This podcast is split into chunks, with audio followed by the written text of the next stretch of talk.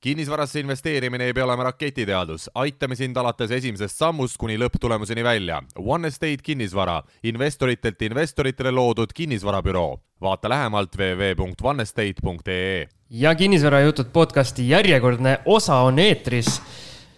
ma ei hakka seda salvestuskohta siin veel mainima, sest meil on täna selline korralik pikk salvestuspäev, minu nimi Siim Semiskar, minu kõrval kaassaatejuht Algis Liblik, tere Algis. tere Siim teeme endale omaselt kolm osa jutti, et korralik tööpäev. no ja, ega siis kui nagu eestlastele ikka, et alguses saa vedama ja pärast ei saa pidama, et siis on mõistlik nii jah, ja siin nii-öelda kaadri tagant eh, infoks ka, et kuigi tahame rahulikult salvestada, siis eh, algisel ikkagi töö töö peksab sisse. no aga ikka, ega siis, noh, ma räägin, eelmisel, eelmise saate alguses vist ütlesin ka, et pealkirjad kurja, on nii kurjakuulutavad, et äh, kohe on töö otsa saamas turul, aga tegelikult on kalender täis ja töö käib endiselt, nii et pole muutunud midagi. mehel üks telefonikõne ajab teist taga.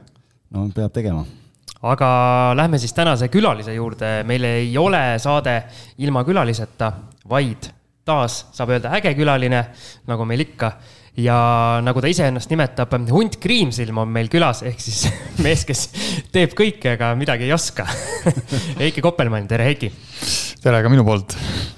ja Heikiga on huvitav lugu, mina tean Heikit juba pikalt tegelikult, aga saatesse kutsus ta lõpuks äh, Siim, et äh, et mina kutsusin Heikit saatesse vist juba aasta tagasi, kui me Kinnisvara seminaril käisime ja, ja kohtusime seal, aga siis Heiki ütles, et veel on vara et anna veel aega ja kasvatan portfelli suuremaks ja siis tulen, aga. no Heiki ütles siin veel hiljuti ka, et veel on vara ja, ja tahtis seda aega edasi lükata, aga ma panin mehe fakti ette. ma ei tea, millega seda altkäemaksu raha, ma ei tea, mis kõike, mida sa pakkusid eks me jõuame sinna aga minu. see oli diili üks osa, etterutatavalt öeldes jah. minu, minu kokkupuude Heikiga siis sai alguse ka mingi aeg tagasi, kui Heiki vist ise kirjutas või kuidagi ma ühesõnaga sattusin, sattusin äh, sinuga kokku saama ja, ja kinnisvara juttu. mina enam-vähem mäletan vist, kas see ei olnud mitte see aeg, kui sa ostsid äh, Keilasse korteri ja siis äh, sellega seoses kuidagi tekkis see kontakt? ma seda aja. sa, sa kompasid, minu meelest tegid Keila turu kohta mingit turu-uuringut ja, ja Heiki oli üks, üks mees vist, kes. võib-olla oli küll, jah. ühesõnaga ma, ma mäletan, ma tulin või nii-öelda läksin, läksin või tulin nii-öelda külla sulle juttu rääkima ja siis jäin kuskil hiljaks. niimoodi, et mul abikaasa, abikaasa oli pahane et meil läks oluliselt kauem, kui ma olin planeerinud aga see on see, kui kinnisvarast rääkima hakkad, siis nii kipub minema. aga Heiki, hakkame sinuga hoopis, hoopis eh, sellest pihta, et millega sa igapäevaselt tegeled siis, kui sa kuskil objektil ei ole või kinnisvara ei osta ja ei müü ja ei spekuleeri et eh, ühesõnaga igapäevaselt eh, jah, kinnisvaraga ma niimoodi nagu algis igapäevaselt ei tegele, et tegelikult tegelen digiturundusega nagu tegelikult Katrin kes on ka siin saates käinud nüüd, ma ei tea, päris pikka aega tagasi juba mm. et igapäevaselt äh, tegelen jah, digiturundusega, mul on väike sihuke digiturondusagentuur. nüüd juba sihuke peaaegu viis aastat olen niimoodi omaette sihuke väike äh, endale, iseendale tööandja ja noh, ongi, ütleme äh, koolitused, Google, Facebooki reklaam, ütleme lihtsamad kodulehed, konsultatsioonid, kõik, mis, mis on, ütleme siis jah, ütleme siis digiturundusega seotud okei okay,, räägi minusugusele mehele, kellel alles hiljuti veel oli nuputelefon, et mis asi on digiturundus? mis on story mis on reelsid ja mis on story? sellest me rääkisime eelmine kord äh, või eelmises saates äh, Ornellaga ja selle ma sain enam-vähem selgeks, aga mis asi on digiturundus? mis on digiturundus, noh, ütleme lühidalt öeldes kõik, mis on, mis on veebis, et äh, kõik, mis, kõik, mis reklaam, mis sa saad teha nagu ettevõttele, kuidas sa saad enda, enda ettevõtet oma klientideni viia, oma sõnumeid klientideni viia ja kõik, mis puudutab siis sotsiaalmeediat ja Google otsingut ja ütleme siis äh, ka orgaanilist otsingut äh, otsingumootoris ja kuidas inimesed otsivad, ütleme siis äh, inimese enda psühholoogia, et äh, kuidas, kuidas sa arvad, et su kliendid otsivad ja kuidas siis neile siis õigetes kanalites olla piisavalt nähtaval, põhimõtteliselt lühidalt öeldes kuidas sa sellise asjani jõudsid, kas see on mingi õppimistöö tulemus või kuidagi elu on niimoodi viinud? Ähm, see tuli suhteliselt niimoodi mitte noh, ma ei tea, ma ei öelnud niimoodi, et sündides oli pai-, plaan paigas. Facebooki aga... konto oli juba olemas sündisin Facebooki kontoga, aga põhimõtteliselt. Anti äh, sünnitunnistus Heikile Facebooki konto. logi sisse, õnn. jah, et äh, ei, põhimõtteliselt oli niimoodi, et ma tegelikult olen täiesti teisest valdkonnast, et ma tegelikult töötasin üldse ütleme sellises seiklusturismi valdkonnas ja ütleme siis sellises, ma töötasin konkreetselt seiklusparkides ja, ja tegelikult üldse taust on rekreatsioonikorraldus. elu on seiklus või? elu on seiklus jah, sellepärast ka võib-olla see hunt Kriimsilma teema või vähemalt ma tunnen, et ja siis noh, mingi hetk lihtsalt mõtlesin, et tahaks midagi uut proovida ja siis läksin tegelikult üldse õppima välismaale Taani äh, läksin magistrit õppima turundusvaldkonda ja noh, kuna see oli niisugune üldine turundus, siis hakkas rohkem huvi tund-, huvi hakkas äh, rohkem äh, tekitama selline digiturundus, kuna see oli selline tõusev trend ja kõik see ja siis ma läksin, läksin Belgiasse ühte firmasse, peale Taanit läksin praktikale neljaks-viieks kuuks ja siis peale seda tulin juba Eestisse ühte agentuuri tööle ja, ja siis sealt läks edasi põhimõtteliselt. Ma olin sellel ajal veel teles minu meelest, kui sa sinna agentuuri läksid. jaa, sa olid TV3-s siis minu meelest, jah. oh, neid ammuseid aegu, kes seda mäletab enam? oh, neid aegu häid. mul oli mingi ülihea küsimus, aga ma jäin mõttesse ja läks ära aga selle, siis see noh, räägime edasi siis, kui Siimul küsimust ei ole, et kui sa seal agentuuris olid. mõistlik oleks edasi. kui kauaks, kui noh, kui sul ei ole, siis ma vean ise, et, et kauaks jäid agentuuri ja, ja kust lõpuks siis see mõte tuli, ma saan aru, edasiarendusena, et äh, omal käel hakata tegema? Ma olin, ühes agentuuris olin see, kus ma nüüd peale välismaalt tulekut olin vist aasta umbes. Ja peale seda olin veel, olin natuke suuremas agentuuris, olin kolm pool aastat äkki vist kokku, ehk siis sihuke neli, neli pool aastat kõik kokku. ja kus see mõte tuli, võib-olla oligi ma arvan, et kõige suurem mõte vist oli see, et ma tahtsin lihtsalt perega rohkem aega veeta. Ja ma tahtsin lihtsalt rohkem sellist vabadust ja olla nagu iseenda peremees rohkem võib-olla aja üle. et ma tundsin, et niisugune üheksast viieni töö oli selline natukene ütleme siis nii, et ma nägin, et see on nagu ebaefektiivne või kohati selline, et ma noh, et ma saan tegelikult teha oluliselt rohkem ja oluliselt vähem ajaga tegelikult ja mul jääb rohkem aega ma ei tea, hobide ja pere jaoks ja noh, ma arvan, et see oligi nagu üks, üks suuremaid tõukeid, et proovida nagu sellist ise, ise ettevõtlust ja ma ei saa öelda, et ma kahetseks et selles mõttes, et kindlasti kui keegi ütleb, et äh, või noh, selles mõttes, et see kindlasti ei ole lihtne, kes, kes vähegi on, ütleme, ettevõtlusega kokku puutunud, siis teab, et see kindlasti pole lihtne, aga kui äh, noh, selline põlev soov on, et siis äh, tõenäoliselt kõik saavad tegelikult päeva lõpuks hakkama, kõik on tahtmises kinni mul tuli enda see super küsimus meelde, pane nüüd tähele, kuidas, kuidas küsimusi küsitakse. et äh, mis need peamised väljakutsed siis äh, nii-öelda iseendale tööandjana on? Um,? väga hea küsimus. No vot, aitäh. See on nagu poliitikud vastavad, väga hea küsimus, võtame järgmise. võtame järgmise. Läheme nüüd kinnisvarasse, aga ei, äh, mis, mis need põhilised on, on noh, ma arvan, et esimene kõige suurem asi on, on see ütleme, mindset'i muutus võib-olla, ma arvan, et see on noh, seda on nagu raske kirjeldada, et see ongi nagu see, et äh, see kin-, sellisest, äh, ma ütleks tegelikult võib-olla võltskindlustundest nagu loobumine või noh, see, mis sulle selline kindel töö pakub, et paljud inimesed, äh, enamus mõtlevad, et see on selline väga kindel, noh, tegelikult on see natukene see on kindel, sinnamaani kuni vaibale kutsutakse. täpselt, et niikaua, kui sul öeldakse, et kuule, me nüüd koondame kuu aja pärast, on ju, siis ei ole enam kindel ja siis sa mõtled, et tegelikult ei ole nii kindel, on ju.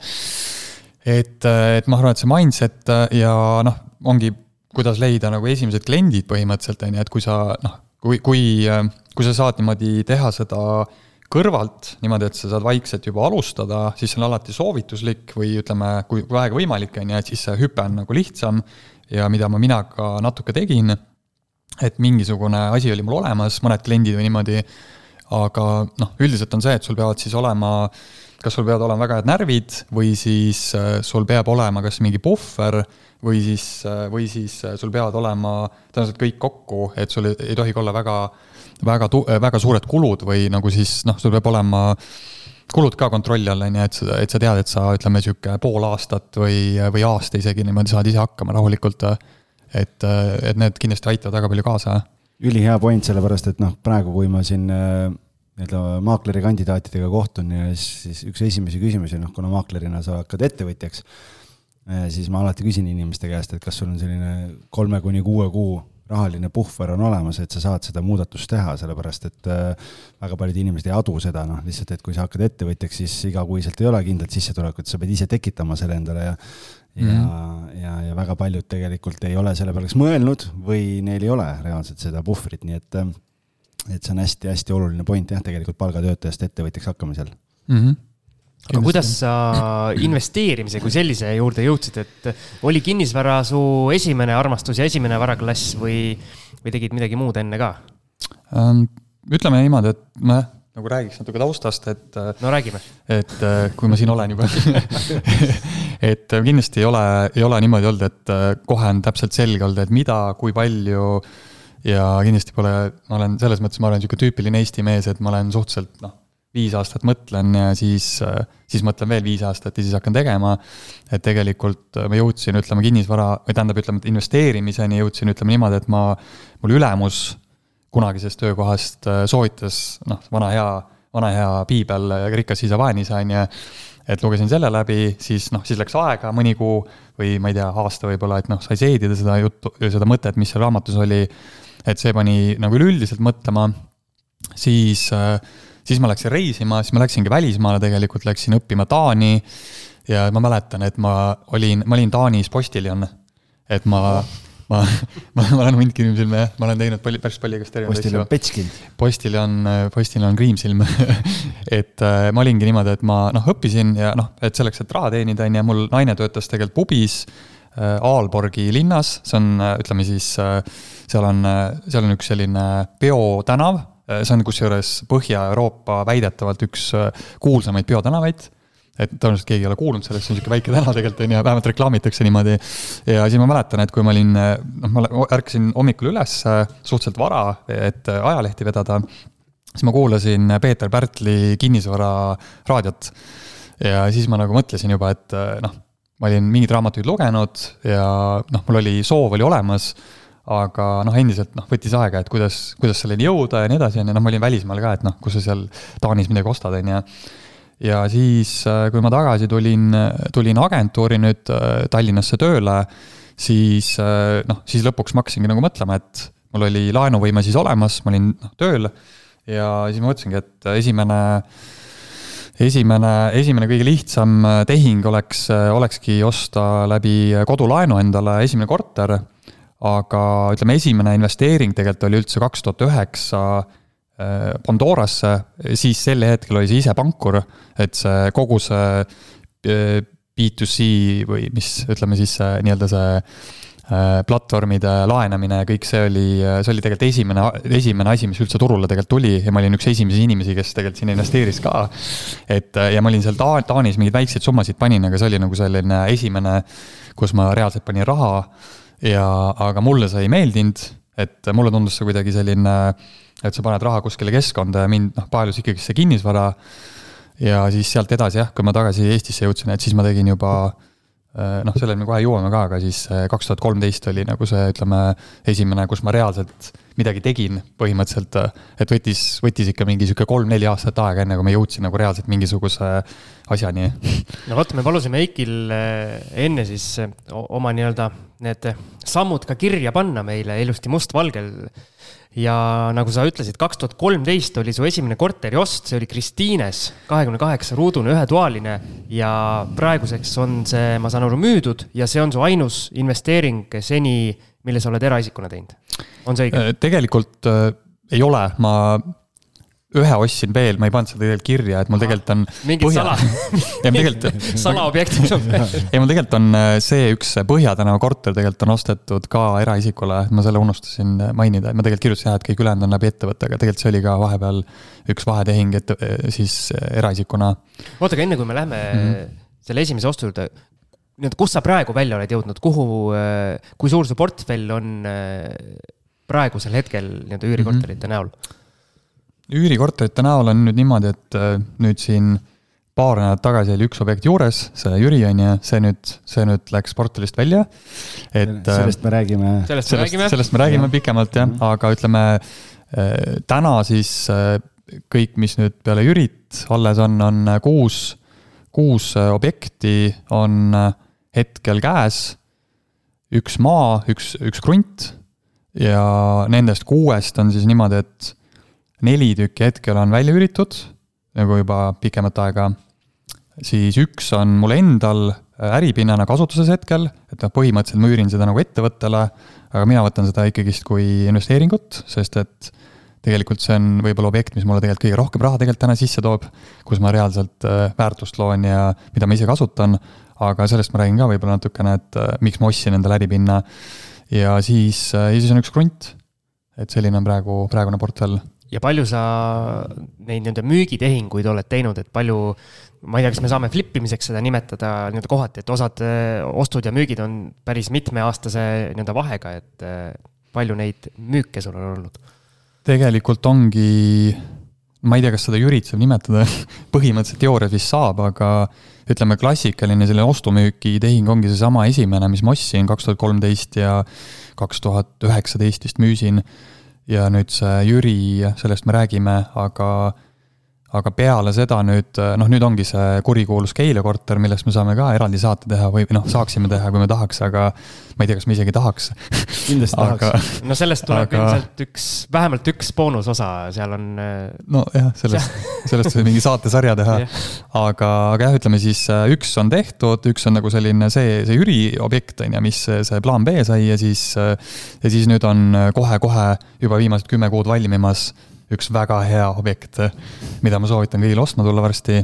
aga, aga see nüüd varsti saab valmis ja. saab ikka kunagi valmis?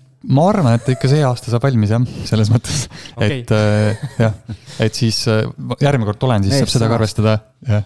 kui kuulajatel kõik see natukene segaseks jäi, sest meil on oluliselt rohkem informatsiooni käes kui kuulajatel, siis me ilmselt jõuame täna kõikide nende asjadeni, olge lihtsalt kannatlikud, et, et jõuame sinna aga kaks tuhat kolmteist siis eh, Nõmme teel ühetoaline stuudiokorter, kas sa ostes eh, juba ostsidki selle konkreetselt üüri, üüriinvesteeringuks? jah, see noh, ütleme nii, et see mõte oligi siis, kui ma posti vedasin Taanis on ju, siis see mõte sai idanema sealt ja ja ma mäletan, noh, siis oli just krahh, noh, krahh oli juba tegelikult juba nagu selja taga, hinnad hakkasid vaikselt kasvama, tegelikult olid kasvanud juba päris palju kahe tuhande üheksandast ja kümnest aastast.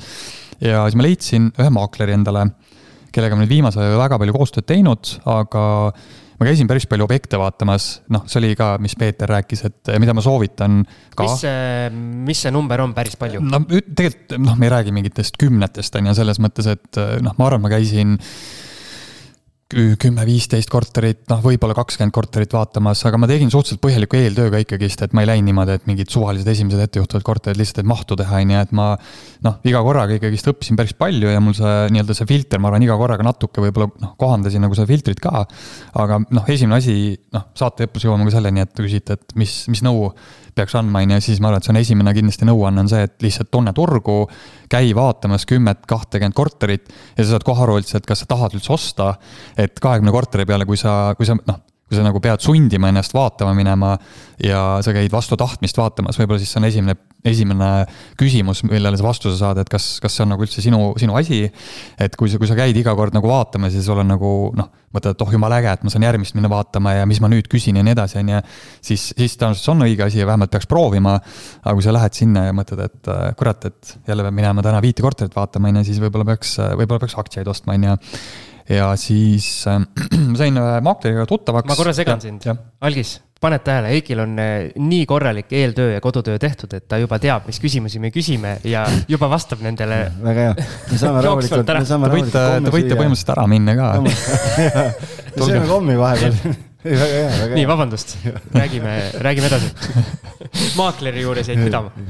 Et äh, ja siis äh, jah, oli too hetk see inimene töötas Toomus kinnisvaras, et ma nime võib-olla ei hakka nimetama, võin nimetada ka, Kaspar, Kaspar Bello, et äh, ma olen temaga rahul, et mul ei ole midagi halba ta kohta öelda. siis võib nimetada. et, et pigem, pigem nagu kiidusõnad yes,. väga hea, väga hea, see on tore, kui maaklerite suunas kiidusõnu tuleb. et ma just jah, kui me nagu hästi võib-olla põgusalt, noh, maaklerid on siin päris palju äh, haugu alla saanud nii-öelda, on ju, et siis ma ütleks, et äh, mõnes mõttes on see kriitika õigustatud, kindlasti, sest niisama inimesed neid asju välja ei mõtle.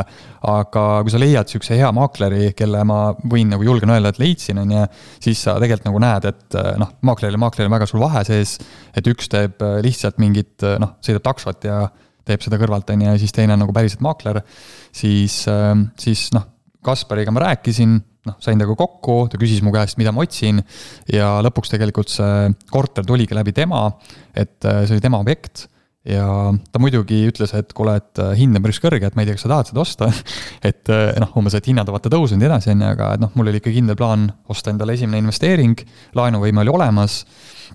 ja siis jah, siis saigi ostetud Nõmme teele, kus, kus keegi teab, Maxima Nõmme teel asub, kindlasti teate -hmm. et hästi lähedal Kristiine keskusele, et üks niisugune stuudiokorter suure rõduga, väga ilus, minu meelest niisugune ähm, stuudiokorter suhteliselt okeis korras, noh, kohe põhimõtteliselt. sa raudselt ostsid sellepärast, et räägupesa on üle tee kohe äh,? kusjuures, kui me seal remonti tegime, siis me käisime seal friikartuleid söömas päris palju ja seal, seal on äh, linnud, kes söövad ka friikartuleid, siis me söötsime linde ka. ja staap on ka seal üle tee, et selles mõttes asukoht on väga hea. ja no me tegime põhimõtteliselt mingi väikse sanitaarremondi, hästi lihtsa sihuke, panime, ma ei tea, kolm-neli-viissada eurot võib-olla sisse, tuli üürnik ma mäletan, esimene üür vist oli seal, tähendab, korter maksis siis, äh, kui numbritest rääkida või ma ei tea, võin numbritest ja, rääkida. mitte ei või, vaid peab. peab rääkima numbritest. et ma ei tea, mulle nagu meeldib numbritest rääkida, et osad inimesed ei julge. aga, aga jah, maksis nelikümmend kolm tuhat, mis noh, tegelikult on täna nagu naeruväärne summa, on ju. too hetk oli juba, hinnad olid tõusnud ja üür oli minu meelest esimene üür, üks, üks naisterahvas kolis sisse ja üür oli minu meelest, kui ma ei eksi, oli vist kakssada 200 kuuskümmend või seitsekümmend eurot oli nagu esimene üür, mis seal nagu oli ja noh, ma ei mäleta, mis see tootlus täpselt oli, no oma raha tootlusel väga ilmselgelt, sest et sissemaks oli läbi KredExi veel oli kümme protsenti ainult, ma sain KredExi käenduse ka. ja ma ei tea, minu arust oli väga hea diil, et noh, kui sellest diilist veel nagu rääkida, võib-olla ma räägingi selle nagu lõpuni, selle müügini ka ära.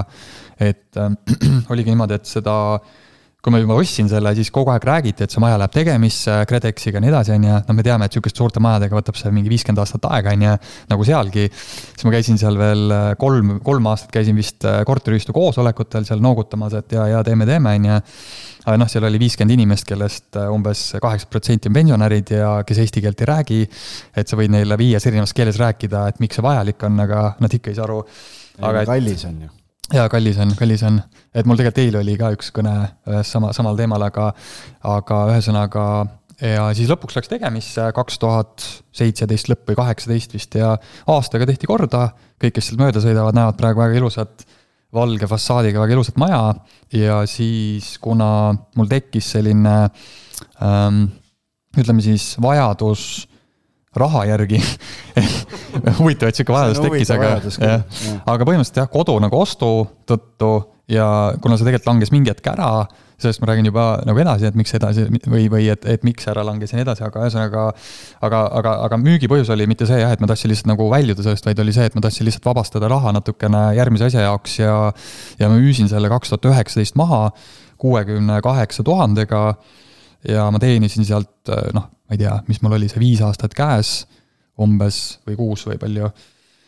ja ma teenisin sealt noh, ma arvan, sihukest puhast raha, sihuke nelikümmend tuhat, mis, mis on nagu väga, väga okei okay,, sest et ega me seal noh, suurt väga midagi ei teinud, et noh, ma võtsin noh, selle turu turu sellise tõusu sealt välja ja tegelikult noh, täna kui müüa, on ju, siis ilmselgelt, ilmselgelt saab juba, ilmselgelt saab suuremat hinda, aga võib-olla kui sellest veel rääkida, siis eh, ma korraldasin oksjoni see oli, see oli oksjonite aja algus vist. et äh, seal oli niimoodi, et äh, ma ise otse müüsin ah,, miks ma makleri kaudu ei müünud, oli see, et tal oli järsku oli hästi kiire. ja siis ma otsustasin ise müüa ja, ja siis oli niimoodi, et ma, alguses vist oli listingu hind oli kuuskümmend viis tuhat. ja, ja huvi oli tegelikult päris suur ja siis ma lõpuks oligi niimoodi, et oli kaks-kolm inimest, kes äh, nagu biidisid põhimõtteliselt oksjonil. ja ma ajasin selle veel vist, ma ei tea, sihuke kolm tuhat vähemalt otsa sinna. et ma, ma olin nagu suht sihuke, ma ei tea, kas nahaalne on õige sõna, aga noh, ma ütlesin otse, et noh, minu, minu mõte on müüa nagu kõige kõrgemalt, et. keegi, keegi ei pea ostma, on ju, ja lõpuks, lõpuks läks, läks päris, päris mitu tuhat veel otsa. et, et selles mõttes said nagu päris hea hinna, et oled kahetsenud ka, et tol hetkel just raha oli vaja ja pidid müüma? ma olen kindlasti kahetsenud, aga, aga ma räägin kohe, et kuhu ma selle raha panin, et ma panin selle raha tegelikult kasvama edasi. Et, et selles mõttes rahaliselt ma kindlasti ei kaadanud. et ei söönud ära seda raha? ei söönud seda raha ära jah, ei käinud McDonaldsis, et, et selles mõttes ma kindlasti kahetsen, et, et ma arvan, me kõik kahetseme, vahet ei ole vahet, vahet ei ole, et, et mis me oleme teinud, on ju, et kui sul on hea objekt ja ostetud mingi kommiraha eest nii-öelda, on ju, et siis ikka kahetsed, aga, aga ma arvan, et, ma arvan, et tehing oli hea ikkagist. aga järgmise objekti ostmisel sul jäi ikkagi selline kolmeaastane vahe, pluss siis kolmanda objektiga jäi omakorda veel kolmeaastane vahe, et selle info järgi, mis sa kirjutasid, nii-öelda võib öelda, et kaks tuhat üheksateist, sealt edasi on su areng olnud nagu megakiire objektide arvu mõttes, aga enne siis kaks tuhat kolmteist see esimene Kristiine korter, siis tuli veel Kristiines Vindi tänaval ja siis Lasnamäel Pae tänaval, et räägime need järgmised ka, et esiteks mm, miks nii suur vahe sisse jäi? mida sa mõtlesid? mis sa ootasid? mida ma, mida ma ootasin? ma, noh, ma arvan, et see oligi see hetk, kus ma, eh, ma olin mingi hetk olin kodus, kirjutasin magistritööd umbes aasta või natuke vähem, et ma. järjest otseselt... nagu välja, väljas ei käinud kordagi? naine ei lubanud, et ära pead tegema mitte nii hull ei olnud asi, aga, aga jah, ma ei, ma ei läinud nagu otseselt kuskile. ma tulin tegelikult sealt agentuurist ära peale kohe, kui ma selle korteri tegelikult ostsin, mul oli e,, oligi tegelikult plaanis, mul oligi tegelikult see plaanipärane, et ma kasutasin laenuvõime ära ja siis ma läksin sealt ära. et e, mul oligi see ajastatud tegelikult selleni, et ma siis sügisel tegelikult läksin sealt ära ja siis ma mõtlesin, et ma ei taha kohe kuskile tööle minna, sest ma tahtsin oma magistritöö ära lõpetada ja ma läbi õnne, õnne sain selle kuidagi hakkama. ja siis, ja siis oligi jah, et ma läksin kaks tuhat neliteist uude, uude töökohta ja noh, aus vastus on see, et mul ei olnud raha, mul ei olnud kapitali, et kohe paigutada kuskile järgmisse objekti, et ma läksin uuesti palgatööle, mul ei olnud mingi väga suur palk ja noh, mul ei olnud nagu mingisuguseid vabu vahendeid. ja sellepärast äh, jah, põhimõtteliselt oligi, et järgmine objekt tuli alles kaks tuhat kuusteist, kus, äh, kus ma sain hakata jälle kapitali natuke kõrvale panema ja ega noh, lihtne vastus oligi, et, et kuna ma mingeid väiksemaid investeeringuid võib-olla tegin seal Bondorasse kuskile, aga mul ei olnud nagu tuhandeid eurosid, et järgmisse objekti panna et äh, nii, nii, nii, nii lihtne see vastus tegelikult ongi. aga see Vindi tänava korter, selle eelinfo põhjal mulle tundub äh, kahetoaline, kolmkümmend viis ruutu ja see diil oli nagu, nagu veel parem või nagu ostu, ostuhinna mõttes viiskümmend kolm, viissada on sul siin kirjas. ta oli, ta oli kusjuures isegi, kui ma nüüd õieti mäletan, ma andsin jälle valet infot sulle kirjutasin meelega. mees ainult valetab. mees valetab, jah. ma ei tea, mis seal üldse õiget oli, aga tegelikult vist oli õige. Siim eksib muidu ka faktidega, selles mõttes me oleme asjas sellega. jah, et tegelikult äh, minu arust ostuhind reaalselt oli viiskümmend üks, viissada ja, ja ta oli möbleerimata, just täiesti kappremonditud korter.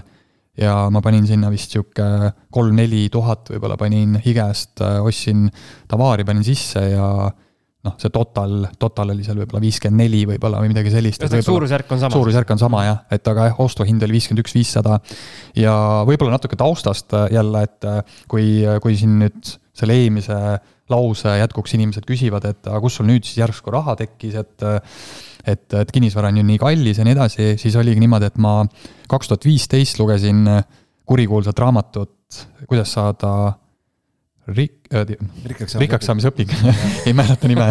et äh, see oli, ma arvan, et esimene selline raamat, äh, mis, et kui ma olin lugenud Kiyosaki raamatuid ja nii edasi, on ju, siis ta olid minu jaoks ikkagist nagu sellised, et noh, äge, aga nagu ma ei saanud võib-olla nagu niisuguseid konkreetseid tegevusi, et noh, et noh, mida ma nüüd teen, on ju. loogiline, et keegi ütles sulle, et kuule, et mine osta see korter, on ju, seal aadressil. mine Vindi kaheksateist, osta see korter. aga, aga rikkaks saamise õpikus oli, oli reaalselt oligi see, rääkis säästmisest. rääkiski, et kui sa tahad hakata investeerima, siis sa pead suutma mingi protsendi oma sissetulekutest säästa, kas see on siis kümme, kakskümmend, kolmkümmend prossa, ise tead et äh, ja see oligi nagu asi, mis pani mind mõtlema, et äh, noh, see on nagu reaalne asi, mis ma teha saan täna ja. mis säästumäära tekitasid endale, mäletad ka? Äh, ühe raamatu ma lugesin veel inglise keeles, on sihuke raamat nagu Napoleon, ei, mitte Napoleon Hill on, oli vist, ma ei mäleta, mis räägib tegelikult sama, ei. ühesõnaga üks on Welty Barber, rikas äh, see juuksur ja siis on üks on veel, ma ei mäleta, mis ta nimi oli, aga ühesõnaga räägib sellest samast asjast, et äh, hakka säästma ja siis äh, siis saad rikkaks et aga mis säästumäär, ma arvan, et meie säästumäär. Think and grow rich on mingi sa-. see on see põhiraamat. see on tema jah, see põhi, aga võib-olla see oli tegelikult kellegi teise kirjutatud, aga ma lugesin Napoleon Hilli ka igastahes, tema käest oli ka kaks-kolm raamatut, mis olid väga head. aga ühesõnaga kaks tuhat viisteist alguses või võib-olla isegi kaks tuhat neliteist. Kui sa küsid, mis ma tegin, ma lugesin raamatuid, et äh, ma lugesin. ma ei ole vahepeal äh, midagi küsinud, sa lihtsalt räägid. Sa, sa küsisid, et äh, mis ma kolm aastat tegin, on ju, et siis oligi see, et ma kaks tuhat, tegelikult ma arvan, neliteist lõpus hakkasin raamatuid lugema. Ja see oligi see hetk, kus ma sain aru, et ma pean säästma. Ja ma arvan, et kaks tuhat viisteist oli see hetk, kus ma, kus me mõlemad tegelikult naisega säästsime nagu aasta aega või isegi natuke üle aasta reaalselt, võib-olla isegi poolteist aastat reaalselt hakkasimegi koguma ja ma arvan, et säästumäär oli sihuke noh, ma arvan, sihuke nelikümmend, viiskümmend protsenti. meil ei olnud nagu mingid suured sissetulekud, aga me suutsime umbes sihuke jah, natuke üle aastaga me suutsime siis selle Vindi korteri sissemaksuraha kokku panna algis panid tähele, et mees ütles, et ta hakkas raamatuid lugema alles kaks tuhat neliteist, et kooliaja sai ilma kuidagi läbi. slikerdas. no siis oli Tõde ja õigus, aga seal ei olnud kinnisvarast nii väga midagi. miks ei olnud, seal ikka no,, seal oleks pidanud vanemate kinnisvara üle võtma, see on ainukene viis rikkaks saada. soode kuivendamine võtta, ja kõik. võtta talu üle ja, ja üüri välja. aga ma, ma, ma hoopis küsin, kuidas sa nii-öelda naise paati said, et äh, oli nõus säästma koos sinuga seal ja. lihtne see polnud. anna nippe. ma ei, ma ei ole päris nagu sada protsenti kindel, et see siiamaanigi nagu päris paadis on, aga. ühe jalaga. aga ta on kindlasti ühe jalaga on kindlasti paadis juba, et selles mõttes, et äh, ta on mulle öelnud, et, et ma usaldan sind, mida ta siis ei öelnud veel. et, et kui sa, kui sa teed, et kui, kui kuulajad kõik ka, et, et kui sa teed juba ühe või kaks sihukest edukat tehingut ja pankrotti ei lähe, on ju, et siis on suurem tõenäosus, et. siis on, saad... siis võib uuesti minna rääkima. ja siis võid uuesti minna rääkima kolmandat, kolmandat tehingut, et, et mõnikord ongi vaja kasvõi siis endale, sõpradele ja, ja perele ka tõestada. ja see esimene samm ongi vaja üksinda teha et, et et, et sul ei ole kohe niimoodi kõik, kõik ütlevad, et oh, jumala äge mõte, et mine sa tee. sa oled nii äge vend, et. ja, ja me anname sulle sada tuhat eurot, et mine osta mingi suvaline korter ja et tihtipeale ongi vaja see esimene samm teha. ja siis äh, jah, ja siis me ossimegi kaks tuhat kuusteist äh, märtsis, kui ma ei eksi, ostsime kolmekümne viie ruuduse, nagu sa ütlesid, Kristiinesse ja ma mäletan, sellega oli veel sihuke huvitav seik, et ma läksin, ma olin, ma tegin ka päris pikk, noh, eeltööd, käisin jälle kümmet-viiteist korterit vaatamas. ja ma olin nii kindel selles korteris ja et ma läksin sinna, vaatasin ringi, ma olin seal korteris, ma arvan, umbes kaks, kaks, kolm, neli minutit, mitte rohkem, mõni minut. ja no see oli see hetk ka, kus tegelikult turg oli suht aktiivne juba ja ma olin noh, täiesti kindel, et see läheb kohe ära ja noh, see oleks läinud üheksakümmend üheksa protsenti kindlalt. ja siis ma ütlesin kohe maaklerile, et noh, davai, et kus ma alla kirjutan, on ju, et ma tahan broneerida. ja siis maakler nagu sattus paanikasse, et, et, et nagu nii kiiresti tuli, jah, et ma olin vist, ma olin vist esimene inimene ka, kes nägi seda. ja siis ta kü-, noh, ta oli, põhimõtteliselt oligi niimoodi, et aga miks sa osta tahad või et kind-, et oled kindel, oled kindel või? ma ütlesin jah, et noh, et broneerime ära, et noh, umbes, et noh, ma lähen, võtan ATM-ist raha ja broneerime ära. siis ta mingi, ei, ma ei tea, nii lihtne, nii lihtne see ka nüüd ei ole, et mul siin, mul tuleb siin veel paar inimest vaatama, et no tal oligi tegelikult kokku lepitud just kohe peale mind oli vist veel üks inimene. aga ma arvan, et ta nagu ehmatas ära natuke, et ta arvas, et ta võib-olla hinnastas valesti midagi või kuidagi, et tal oli vaja mingit kinnitust. kuidas see nii lühikese ajaga? tal oli vaja nagu mingit turukinnitust saada asjale. ja siis ma olin nagu veits solvunud ka, et umbes, et noh, et noh, ma olen siin, on ju, ma olen nõus broneerima. sina et, tahad müüa, mina tahan osta ja, ja sa ütled mulle, see ja, ei ole nii lihtne. ja, ja ma ütlesingi, et umbes, et noh, et teeme tehingu või sa oled maakler või ei ole maakler. siis ta mingi, et noh, põhimõtteliselt olen, aga aga ma ei olegi, aga ma ei ole päris kindel, on ju. ja siis ma ütlesin, et noh, et mis me teeme siis, et noh, et mul on raha on siin autos olemas, on ju, et noh, võtan Maxima kotiga, toon sulle ära, on ju. nii motiveeritud ostja kohe olemas, sa pead tagasi hoidma inimest nagu. ja, ja, ja no mul oli sõber, mul oli kusjuures seesama kurikuulus sõber, kes mul täna, praegu hetkel seal Keila korteris on, oli kaasas. ja siis tema ütles ka, et umbes, et veits naljakas oli see värk, aga ühesõnaga ma läksin ära sealt siis ma läksin, läksin sööma, tegin ühe, tegin ühe õlle ka, et närve rahustada. ja siis, ja siis mulle seesama maakler helistas, ma ei tea, sihuke tund-kaks hiljem ja siis ütles, et kuule, et sa võid ikka osta selle ma luban sulle osta. ja, et mul üks inimene, kes vaatab, siis tema ei tahtnud, et noh, nüüd saad osta. ütlesin mingi aitäh sulle, aitäh, et ma saan osta. ja, ja ei, põhimõtteliselt oligi, et noh, ma noh, ma mõtlesin, et noh, mis ma ikka solvun, et tehing on hea ja, ja põhimõtteliselt oligi, broneerisime ära ja, ja, ja kui sellest rääkida veel siis et äh, väga pikalt ei räägi, aga, aga iga, iga selle, iga selle korteriga mingi sihuke päris huvitav seiklus olnud. et selle korteriga niimoodi, et me läksime sellesama sõbraga, läksime mööblit ostma IKEA-st. Äh, kui ma ei eksi, siis Leetu, mitte Riiga. sellepärast, et mul oli üks, sellesama agentuuriga oli üks, üks, üks koolitus, oli Vilniuses ja siis ta tuligi tuli autoga nagu sinna, siis mul see reede õhtul, ma mäletan, see nagu päev lõppes ja siis meil oli plaan minna kogu, kogu korteri mööbel, meil oli tehtud Exceli tabel, kõik asjad, et kogu korteri mööbel korraga ära osta ja siis õhtul nagu öösel sõita tagasi Keilasse, Keilasse äh,, Tallinnasse äh,, Kristiinesse on ju, ja siis sellega oli niisugune probleem, et me jäime suhteliselt hilja peale, jõudsime sinna noh, kella kaheksa või üheksani oli see lahti ja me jõudsime sinna noh, tegelikult väga hilja ei jõudnud, aga noh, pigem nagu noh, ma ei tea, kell oli juba kuus või pool seitse. me panime kõik asjad kokku, noh, aluste peale seal on ju, panime Exceli tabel välja prinditud, kõik asjad on ju.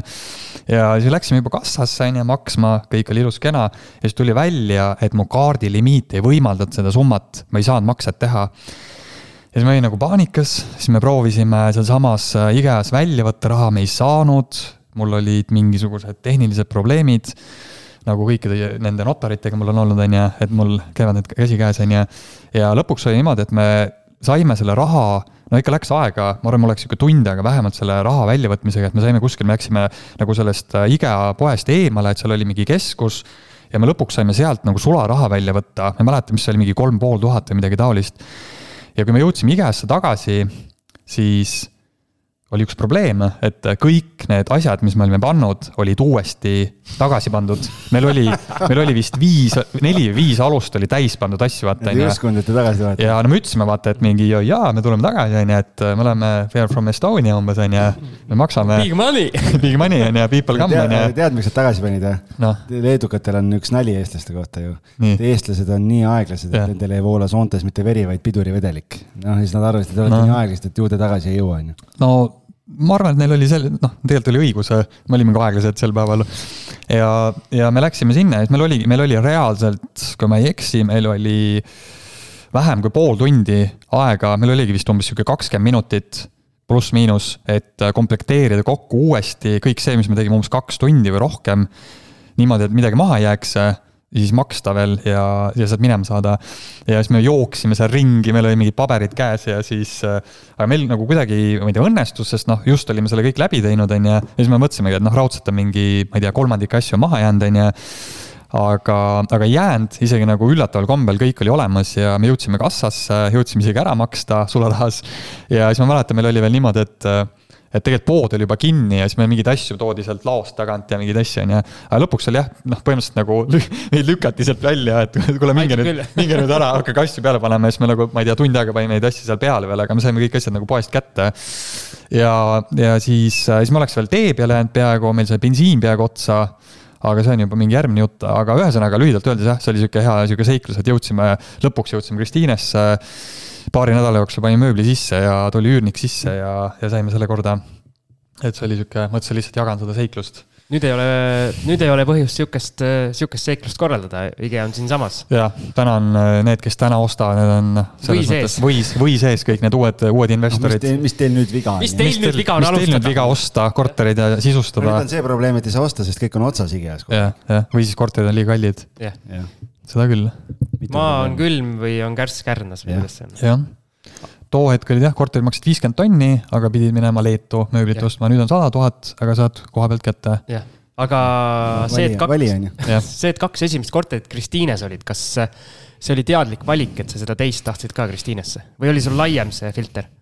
no ma vaatasin pigem vist jah, vaatasin ikkagist Mustamäge, vaatasin Kristiinet, aga jah, Kristiine, Mustamägi, ma arvan, tundusid siuksed loogilised, sest noh, Las-, noh, Lasnamäest hoidsin nagu eemale ja, ja noh, Kadriorg ja noh, kesklinn ja kõik oli nagu pigem kallis, et, et pigem siis jah, oligi Nõmmet vaatasin ka, Nõmmet, Nõmme, Mustamägi ja Kristiine põhimõtteliselt olid ja see lihtsalt äh, oli lisaboonus, et see teine korter oli reaalselt peaaegu kõrvalmajas, üks maja oli vahet ainult. et äh, selles mõttes. okei okay,, räägime numbritest ka, sul on siin numbrid kirja pandud, et äh, sa lasid äh, sel aastal uuesti selle korteri ära hinnata, meenutame, et äh, mm -hmm. müügihind oli siis viiskümmend üks, äh, viissada ja siis umbes paar-kolm tuhat läks siis mööbliteks äh,. mis see hindamisakt äh, näitas? see hindamisakt, ma vist, vist kirjutasin seal sada viisteist. sada viisteist, jah ta vist, ta oli, ta oli sinnakanti no,. ta oli, kas faktid on õiged, jah. ma ei julgenud ise seda hakata. ta oli, äh, ta oli jah, sinna saja kümne, saja viieteist vahele Äh, oli see hindamisakt, et, äh, et selles mõttes jah, et see viiekümne pluss pealt sihuke noh, tubli sada pluss on ju, noh, tõenäoliselt sajaga saaks iga kell kohe selle müüdud. et, äh, et selles mõttes see kasv on päris, päris märkimisväärne olnud jah, viimase viie-kuue aastaga. ja hetkel on seal üürnik sees ja sinu info kohaselt maksab sulle nelisada kolmkümmend viis eurot kuus nelisada kolmkümmend viis jah, et jah, kui rääkida jah sellest numbrist, et alustasime kolmesaja viiekümnega seal kaks tuhat kuusteist ja nüüd on, nüüd ma tõstsin, vahepeal see oli kolmsada üheksakümmend, nüüd on nelisada, nelisada kolmkümmend viis ja, ja, ja seal tegelikult on ruumi veel, et seal ma usun, et sihuke nelisada seitsekümmend viis on täitsa, täitsa reaalne nagu täna tegelikult, et, et seal on nagu varu veel. aga, aga seal oli üks inimene sees, kes töötab politseis siis ma ei julgenud rohkem praegu tõsta kui nelikümmend eurot kuna meil on muidu see registrisse kohe kuskil. et tal on kindlasti relv ka ja. vaatame, mis sul seal on kuna meil on juba nelikümmend minutit räägitud ja natukene siin läks, läks ähvardavaks ära see jutt, et siis Äh, lähme teeme väikse kõllipausi ja sa ütlesid, et sa Lasnamäest hoidsid äh, suure kaarega eemale, aga siis järgmine korter ikkagi Lasnamäele tuli, et natukene korra nüüd kogume ennast ja pärast pausi ma küsin, et Näh, miks näh, siis Lasnamäele? Läheme Lasnamäele. jah, lähme Lasnamäele.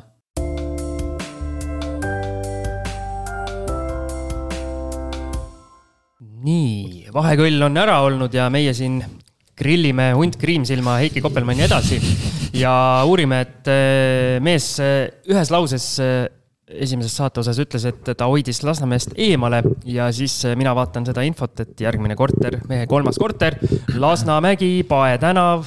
no hea mees, kes räägibki. jah. Mm..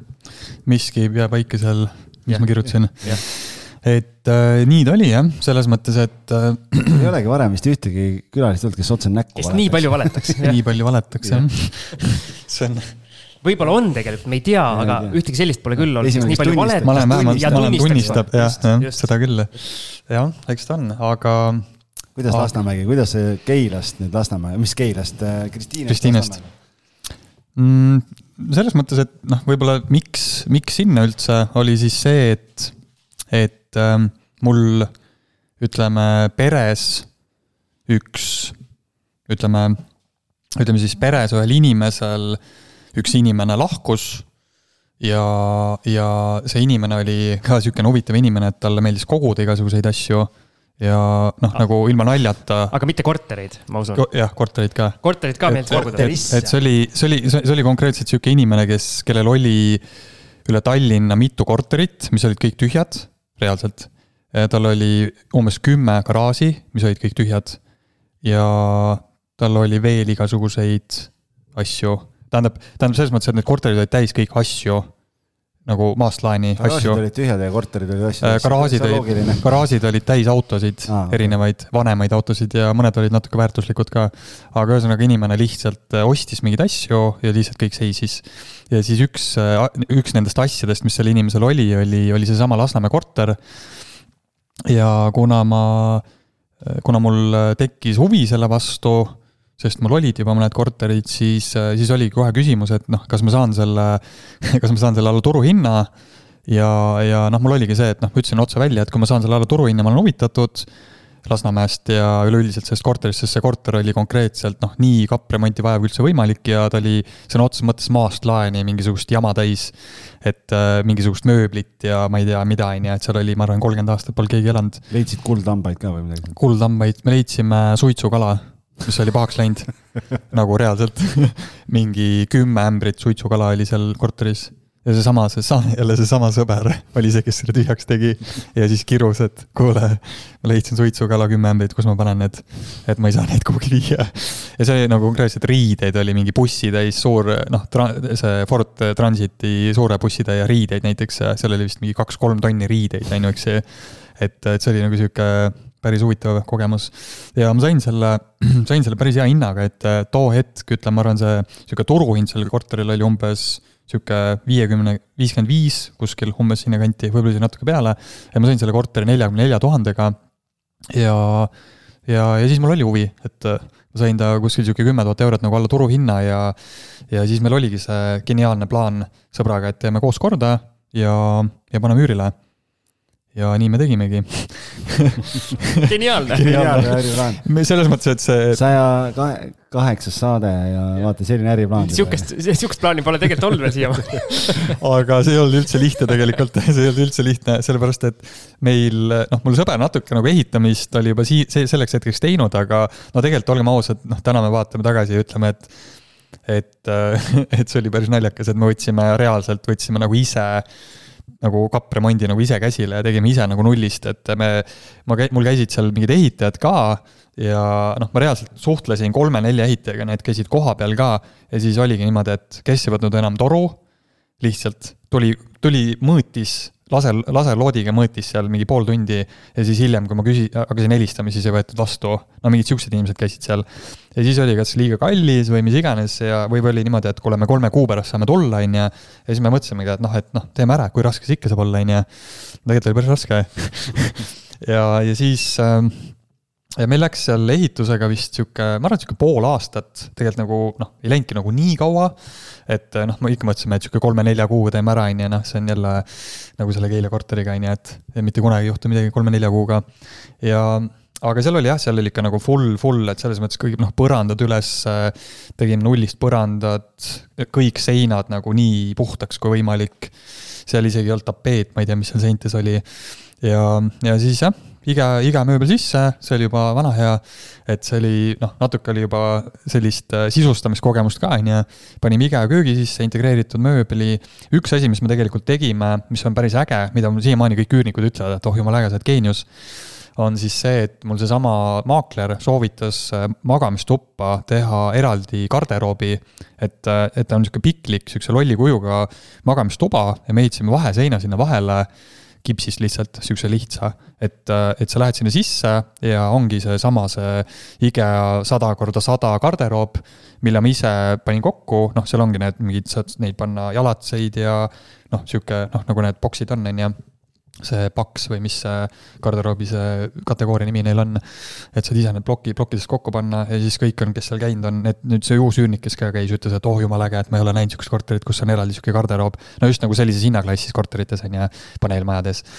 ja siis äh, jah, panime selle, panime selle üürile, esialgne üür oli, oli vist kui ma ei eksi, nelisada viiskümmend eurot ja, ja siis oligi äh, üks, üks pere tuli pikalt sisse, oli kolm aastat sees ja nüüd on rohkem nüüd vahetanud, et nüüd kevadel tuli üks üürnik sisse, siis ma tõstsin jälle üüri neljasaja üheksakümne peale, ai tegelikult seal nende eelmiste üürnikutega ma tõstsin ka juba neljasaja üheksakümne peale, siis ma vahepeal tõstsin ähm, tõstsin veel ja nüüd viimati läks, läks välja juba viiesaja üheksakümnega, ma proovisin kuuesaja viiekümnega, aga läks viiesaja üheksakümnega, läks üks ühele Nep-, Nepaalist, ühele inimesele, kes tegeleb ka digiturundusega ja, ja elab siin ja pidi ära kolima teisest kohast, et peaaegu kuussada eurot on praegu üür seal. ja, ja siiamaani vakantsus on null olnud ja lihtsalt see kontingent on teine, kõik on olnud välismaalased, ühtegi eestlast pole, isegi vist vaatamas pole väga eestlased käinud, et kõik ongi kas äh, vene keelt kõnelevad kuskilt, äh, need, kes olid, see pere oli Hispaaniast näiteks, õpetaja üks elas pikalt sees, et, et ongi sihuke hästi kirju seltskond, aga siiamaani kõik on inglise keelt ilusti rääkinud ja, ja siiamaani ei ole vist mitte kellegagi probleemi olnud, et selles mõttes ma mingil, mingil määral kartsin, et, et noh, et, et see on nagu full, full nagu siis, et noh, kui sa vene keelt ei oska, et siis noh, põhimõtteliselt on nagu probleeme võib tekkida, aga, aga tegelikult, tegelikult saab ikka hakkama, et jah. ma su märkmetest vaatan, et korteri hind on ka peaaegu kolmekordne värske hindamine? jaa, et ma nüüd lasin selle ära hinnata siin nüüd suve alguses äkki ja kui ma ei eksi, siis ma mäletan, mis ma kirjutasin sinna. sada kakskümmend üheksa. on jälle mingi vale number, mis ma kirjutasin, aga. aga, aga see oli, see oli jah, sinna saja kahekümne lõppu oli see number. tuletame meelde siis, et nelikümmend neli oli ost. palju, palju renoveerimisele läks? renoveerimine läks niimoodi, et ma võtsin tegelikult niimoodi, et ma seda korterit ei ostnud ametlikult. ma käisime notaris ja see kirjutati lihtsalt mulle sest et see, ma tundsin seda inimest, oli mu pere, perekonna, perekonnast nii-öelda see inimene ja noh, ma ütlesin, et ära muretse, sa saad selle raha kõik on kunagi, hästi. kunagi saad. kõik on hästi, et, et kõik on korras ja siis, siis ta nagu usaldas ja siis ma noh, me nagu arveldasime omavahel nii-öelda, on ju, ja siis ma võtsin selle, selle laenu võtsin Swedbankist nagu puhtalt siis remondile, et ma võtsingi kakskümmend viis tuhat. ja, ja oligi, kakskümmend viis tonni läkski sisse koos, suht koos mööbliga nagu, et full full remont oli kakskümmend viis siis. ütleme, seitsekümmend tuhat läks siis äh,. ütleme jämedalt, jah. ehk siis äh,. kuuskümmend tuhat praegu puhtalt käden. Easy money. Great success. jah, easy money jah, tasus minna Lasnamäele, kuule. tasus minna, jah. imedemaa on Lasnamäe. ei, tegelikult, tegelikult ei ole easy money, aga selles mõttes jah, et tänu, tänu turule on, praegu on nagu plussis päris hästi, jah. aga sammume edasi ja siis sa Lasnamäelt Põhja-Tallinnasse puitmajja. Lolliks läksid või? jah, põhimõtteliselt küll põhimõtteliselt küll, et no tegelikult iga selle, nagu see, noh, jällegist sa küsisid mu käest, et miks, miks igalt poolt, et kas sul mingit lemmikpiirkonda pole tekkinud, on ju. et, et mul ei ole vist tekkinud jah lemmikpiirkonda, aga lihtsalt pigem ongi mingid asjad on nagu kätte jooksnud, et et ma ei ole nagu ei öelnud et umbes, et mulle see piirkond ei meeldi või. ei ütle võimalustele ei või? jaa, et äh, kuule, näe, võta korter, ma ei tea, väga hea hinnaga, aa, ma ei taha, see, see ei ole Mustamäel, sest mu lemmikpiirkond on Mustamägi, on ju, et äh, et sellega oli nüüd see teema, et ma müüsin kaks tuhat kolmteist selle korteri ja tegelikult mul oli mõte tegelikult osta kodu ja kasutada seda raha sinna, aga see plaan, ütleme, lükkus edasi ja, ja siis mul oli see raha kontol, mingi osa vähemalt sellest rahast ja siis mul oligi see hetk, et mul oli, too hetk oli eraisiku laenuvõime ja ma teadsin, et ma pean selle ära kasutama või noh, mõistlik oleks ära kasutada. ja siis ma tahtsin selle raha parkida kinnisvarasse uuesti, järgmisse objekti, põhimõtteliselt sellest samast nagu kahe tuhande kolmeteistkümnendast objektist. ja siis ma ostsingi, jah, ostsin kaks tuhat üheksateist, ostsin Ristiku tänavale Ristiku viis, niisugune Eesti-aegne puitmaja ja kus ma selle leidsin, oli see, et mul seesama maakler, ma ütlesin talle, et kuule, et kui sul midagi on, anna teada ja, ja ta ütleski, et mul on tulemas üks korter, et kui sul on huvi, siis ma seda kuskile üles ei pane, et äh, kuna sa oled mu sõber siis, äh, siis äh, kui sul huvi on, on ju, et tule vaatama. Ja ma käisingi vaatamas ja noh, oligi, et ma sain selle nii-öelda nagu leti alt ära ostetud. ja no ma julgen öelda, et oli ka ikkagist pigem kindlasti alla turuhinna, mitte noh, ta ei olnud mingisugune superdiil, aga ta oli noh, ma arvan, niisugune vähemalt viis kuni seitse protsenti alla turuhinna et üks vanem naisterahvas, kes vist pidi Haapsalusse ise ära kolima, et tal oli, maakoht oli seal ja siis ta ei tahtnud enam linnas elada ja tegi korteri täiesti tühjaks, ise ka, et õnneks ei pidanud seda, seda suitsukala enam kuskile vedama sealt. et, et täiesti, noh, saime täiesti nagu karbi ja tegin ise sanitaarremondi, seal tegelikult midagi väga keerulist ei olnud. et seal ma tegin, noh, ütleme kaheksakümmend üheksa protsenti tegin ise, oligi mingi värvimine, värvimine ja lihtsalt sihuke ilusaks tegemine põhimõtteliselt, tegin, ütleme, WC-s seal, WC-s oli uks oli puudu reaalselt WC, WC ukse, ust ees ei olnud, mõtlesin, et see oleks vajalik. ja, ja siis. kõik ei taha nii privaatselt võib-olla asju ajada et.... nojah, vanem naisterahvas üksinda elada, on ju, et ei ole vaja. ja telekat vaadata võib-olla otseselt. jah, mugavam kindlasti, kui ust ei ole selles mõttes. aga, aga siis, siis jah, köögi panime sisse, see oli nagu suurem töö, natuke kööki sees ei olnud aga vannitobe kõik oli korras ja e, siis e, tegime, isa on mul e, puidutisler, et aitas mul teha, seal oli vana sihuke täispuidust uks, et selle renoveerisime täiesti ära, et lihvisime selle vana valge värvi, see oli suht kole ja siis nüüd on niisugune ilus, ilus lakitud uks, mitte lakitud, aga õlitatud uks, et et, et niisugune silmailu ka natukene ja läks, läks välja ilusti, ma ei tea, ma ei mäleta, mis hinnaga ta läks, kolmsada, kolmsada kolmsada midagi, kas oli kolmsada viiskümmend või kolmsada seitsekümmend oli vist see, mis, millega ta läks. ja hetkel on äh, nelisada viiskümmend ja, ja noh, seal tegelikult on ka praegu natuke varu tegelikult, et et aga, aga jah, neljasaja viiekümnega on hetkel äh, välja üüritud ja noh, asukoht on väga hea, kümme minti kesklinna või noh, sinna vanalinna siis.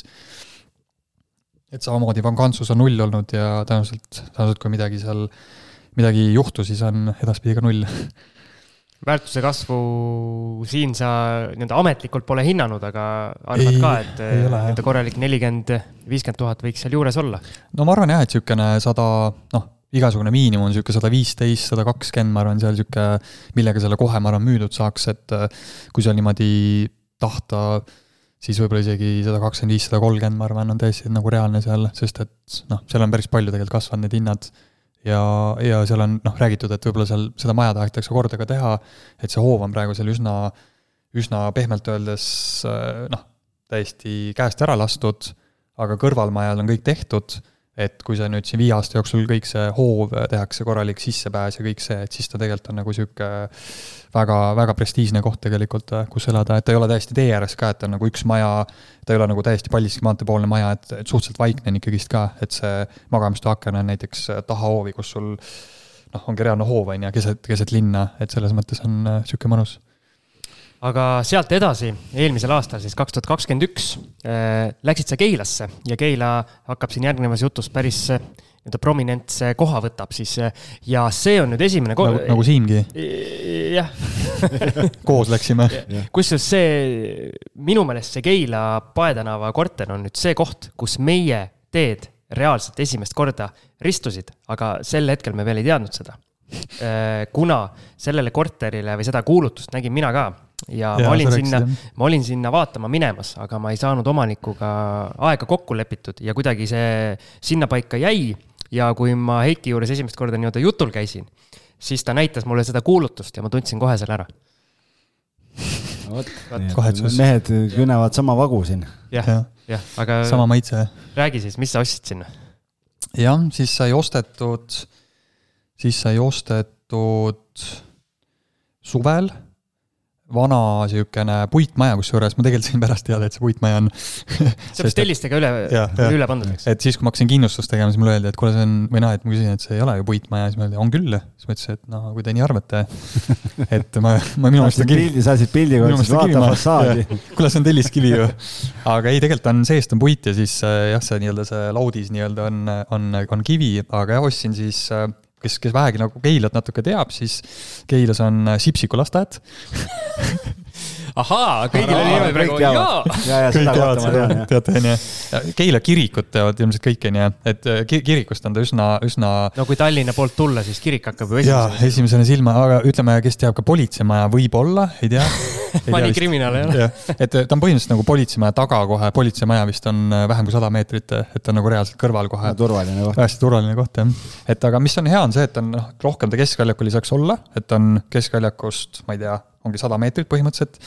ja on niisugune suur kahetoaline korter, viiskümmend ruutu, natuke peale. ja hind oli hea, pigem ütleks kuuskümmend peale natukene. kuuskümmend kolm, viissada on sul kirjas, ma ei tea. kirjas oli jah ja tegelikult ei olnud tegelikult oli teine number, aga ma seda ei ütle praegu, aga ühesõnaga seal oli pärijate teema, et seal üks inimene elas sees ja see kuulus mitmele inimesele, noh, sihuke tüüpiline teema, et et kõik nagu tahtsid müüa, keegi väga ei viitsinud tegeleda selle müügiprotsessiga ja siis noh, olimegi notaris, seal oli kogu perekond oli, kogu familia oli seal ja siis pere läks omal ajal, jõudis tülli ka minna notaris või? notaris ei läinud. aga varem või seda, hiljem või? seda ma ei teadnud et äh, aga ühesõnaga, seal oli, ma kauplesin natuke alla ka, et äh, ma, ta oli minu meelest kuuekümne kuue või kuuekümne viiega müügis. ja, ja siis ma lihtsalt noh, kuna mul noh, ma mõtlesingi, et noh, küsida võib, on ju, ma ütlesin kohe, et davai, teeme mingi kuuskümmend, noh, ma küsisin vist niisugune paar tuhat alla ja ta oli nõus.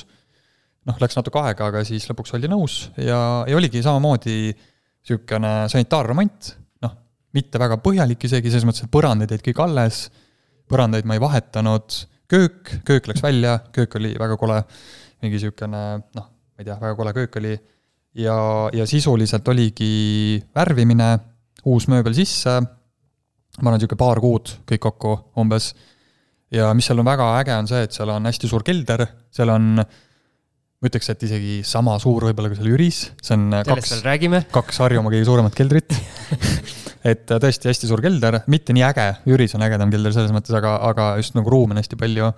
ja, ja üürnik läks sisse ilusti, nelisada üheksakümmend eurot on praegu üür. ja mis seal, mis, kui rääkida nagu pahupoolest, siis sel korteril on pahupool see, et äh, mida ma hiljem sain teada, on see, et äh, reaalselt on pandud boiler, on pandud pööningule peetud. Ja pööningul on talvel külm ja siis mul oligi niimoodi, et esimene talv oli niimoodi, et, et, et üürnik helistas, ütles, et kuule, vesi kadus ära, on ju. siis ma olin mingi, et noh, ma ei tea, on ju, et eks ma tulen vaatama, siis läksin sinna pööningule, siis ma sain teada, et äh, pööningul oli enne ehitatud ümber nagu mingi soojustus, oli pandud need mis iganes plaadid, mis need nimed on, need valged plaadid, on ju, et oli nagu soojustus ümber pandud mingi penoplast või? jah, penoplast, jah. et äh, ja need olid nagu laiali seal, et ma ei tea, kas siis tahtlikult või mittetahtlikult, aga noh, reaalselt see boiler külmus ära, need torud, mis seal olid. siis ma panin selle uuesti tagasi ja siis seal oli, küttekaabel oli ka pandud sinna, panin kütte, küttekaabli sisse ja siis läks, ma ei tea, päev mööda ja oli vesi tagasi, on ju, siis lihtsalt äh, tuli sealt jälle lahti, aga, aga see on nagu sihuke huvitav objekt selle koha pealt, et äh, ja seal majas on samamoodi, et kuna ta on vanem maja, siis äh, just eile mulle helistas seal korteriühistu esinaine, et seal ongi, kuna seal on kortereid vähe, siis hetkel ongi laual mingid väga niisugused suured renoveerimistööd, aga kuna seal on vanemad inimesed, korteriühistu esinaine on ka vanem inimene, siis kõik nagu vaatavad seda, et mind ju kümne aasta pärast ei ole enam, me ju, meil ei ole mõtet seda teha või noh, a la umbes, on ju. et, et selge on see, et on vaja kõik korda teha, kõik katus on ära vaja, vaja vahetada ja kõik, on ju. aga see ongi sellist, sellist väikeste majade selline võib-olla miinuspool, et need asjad liiguvadki aeglasemalt ja kui sa leiad kuskil Keila kesklinnas maja, mis on tegemata, siis on põhjus, miks ta on tegemata. et seal on potentsiaali hästi palju, aga seal võivad olla ka nagu probleemid, et kui sa tahad osta mingit flippi või mingisugust sellist asja ja mõtled, et noh, kohe tehakse korda, on ju, siis see tõenäosus on, et, et võib-olla ei tehta, on ju, väga suur. et, et pigem ongi sellised tehingud saavad olla sellised pikaajalised investeeringud, vähemalt noh, vähemalt viis aastat või rohkem, on ju, kus sa siis nagu näed seda reaalset tulemust, et tehakse korda ja sa saad selle kapitali kasvu nagu välja võtta. et, et lihtsalt, et kui keegi vaatab sellist kuskile Põhja-Tallinnasse või mingisugust sellist maja, on ju, et ei tasu, ei tasu gamble ida selle, selle peale, et tehakse kohe korda et nii ilus ja lihtne see ei ole, nagu me loeme järjest su neid nii-öelda tegemisi, et ikkagi vahepeal viskab no selles mõttes, et ega, ega ma ise midagi ei tee seal, selles mõttes, et ma lihtsalt pean mõnikord ütlema, et ma arvan, et teeme nii, on ju, et ma, ega ma seal ise, ise renoveerima seda maja ei hakka, on ju. aga lihtsalt noh, natuke jah, võib-olla sellist, pead käima mõnel koosolekul võib-olla ja kuna sa oled ikkagist omanik seal, on ju, et siis sa pead natukene võib-olla süvenema mingitesse asjadesse. aga noh, just pigem ongi see, et noh, kui see on sul pikaajaline investeering, noh siis siis on väga okei okay,, on ju, et ma võin viis aastat oodata, on ju. aga kui sul on mingi hetk vaja seda raha või siis sul oligi mõeldud parkida see raha aastaks või kaheks, on ju, siis sa mõtled, et oh, siis ma nagu ei saa seda kasumit, mis ma lootsin võib-olla, on ju. et see ongi nagu, oleneb. nii, ja siis sa ostsid äh, veel kaks tuhat kakskümmend üks, äh, ostsid siin järjest kaks krunti. jah aga seal vist oli, esimese krundiga oli mingi flipi tehing, et saaks selle teise osta või kuidas sul see käis? tegelikult. seal läks väga keeruliseks, me oleme, Heikis, Heiki on mulle korduvalt seda lugu vist rääkinud, aga ma ei saa ikka midagi aru. ei saa aru või? no proovi mulle proovin. no tegelikult äh, seal oli tegelikult see, et ma tahtsin tegelikult krunti endale osta ja tegelikult ostsingi endale. et, et selles mõttes ma ostsin, otsisin krunti, et maja ehitada. ja nagu me teame, siis mingi hetk tekkis mingisugune päris suur buum ma-, noh, igal pool, aga ütleme maade, maa osas ka, ja ma otsisin sellist mõistliku hinnaga krunti Harjumaal, mida oli juba too hetk oli põhimõtteliselt võimatu, jah, Mission Impossible on ju, täna on see, täna pole isegi mõtet nagu otsima hakata, on ju, põhimõtteliselt. ja siis ma leidsin ühe niisuguse piirkonna, mis asus Laulasmaal, Kõltsu mõisa vastas, üks niisugune piirkond, mille nimi on Kõltsu, Kõltsuranna, ja see tegelikult piirkond on suht vana juba, kaks tuhat algus tegelikult, või tähendab, mis kaks tuhat algus, kaks tuhat kümme pluss, ütleme, hakati seda arendama ja seal üks firma arendas, läks pankrotti, siis ostis üks Belgia ettevõte selle piirkonna üle, arendas edasi. vahepeal seal juba, kuna see venis nii palju, siis seal olid vahepeal mingid elektrikilbid olid juba seal laiali tõmmatud ja kuna seal, kuna, kuna see noh, ütleme siis see piirkond oli nii, seal oli nii vähe inimesi, on ju, siis noh, lihtsalt seal inimesed käisid juba seal rüüstamas mingeid asju ja siis vaatasin, et hinnad olid head et, et seal müüdi niisuguseid suuri kolme-nelja-viie tuhande ruuduseid krunte, ikkagi suhteliselt lähedal Tallinnale ja ma ostsin krundi, kui ma ei eksi, siis neljakümne seitsme tuhandega.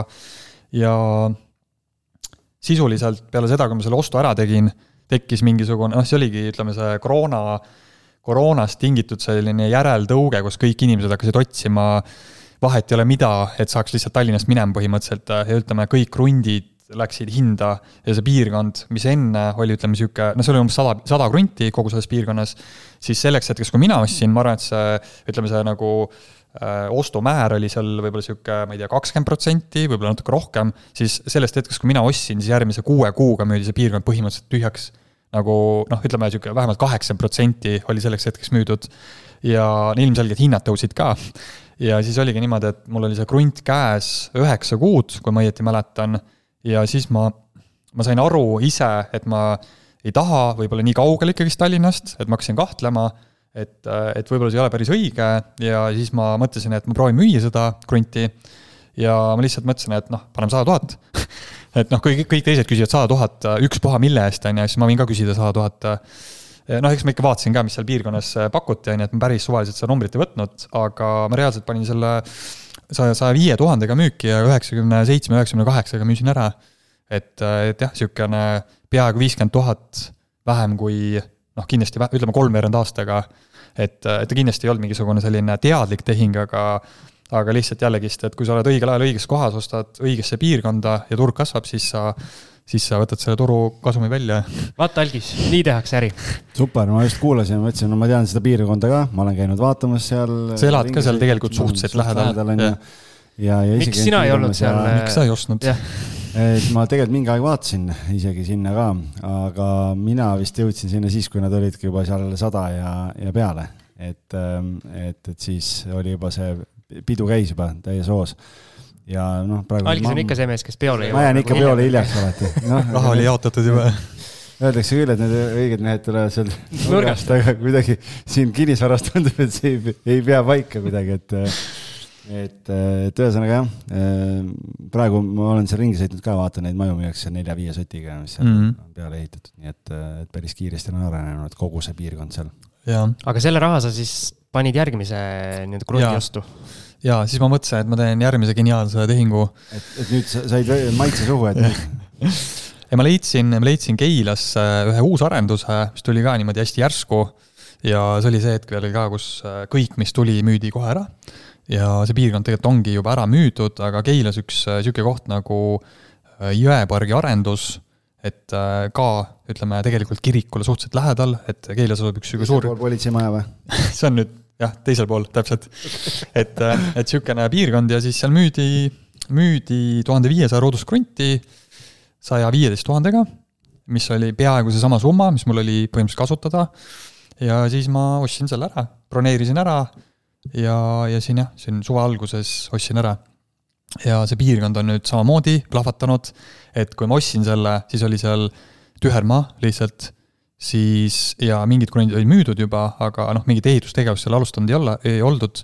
et seal oli kakskümmend viis krunti plaanis ja seal oli lihtsalt niisugune võsa või noh, võsa, võsa oli maha võetud just, siis täna nüüd mõned noh, ütleme pool aastat hiljem on seal pool piirkonda tegelikult juba majad on peal, enamus on kõik müügiks tehtud ja see noh, piirkond nüüd tõenäoliselt järgmise aasta lõpuks on nüüd täiesti niimoodi, et et on hekid juba maas ja, ja, ja siis jah, nüüd hinnati peaaegu saja kolmekümne tuhandele juba suve alguses, siis täna, ütleme, kui nüüd turg võib-olla alla ei kuku, siis noh, ma ei tea, mis turg teeb, aga noh, järgmine, järgmine suvi see piirkond tõenäoliselt kasvab veel natukene et äh, kas ma müün seda, ma loodan, et ei müü, aga et ma loodan, ma loodan, ma ei pea seda müüma, aga aga jah, see on ka nagu Keila, Keila maa on päris tugevalt tõusnud. ma saan aru, et äh, peab jälgima kuulajad meil. kuhu Heiki läheb. kuhu Heiki läheb, seal hakkab buumima kohe, nii et. ma hakkan Heikit äh, jälitama nüüd sa pead jah vaatama, et mis kuulutusi ma vaatan KV-s. aga kui me siin edasi kuh, räägime, siis. kuhu sa praegu kinnistut otsid, kui saladus ei ole kus ma praegu otsin?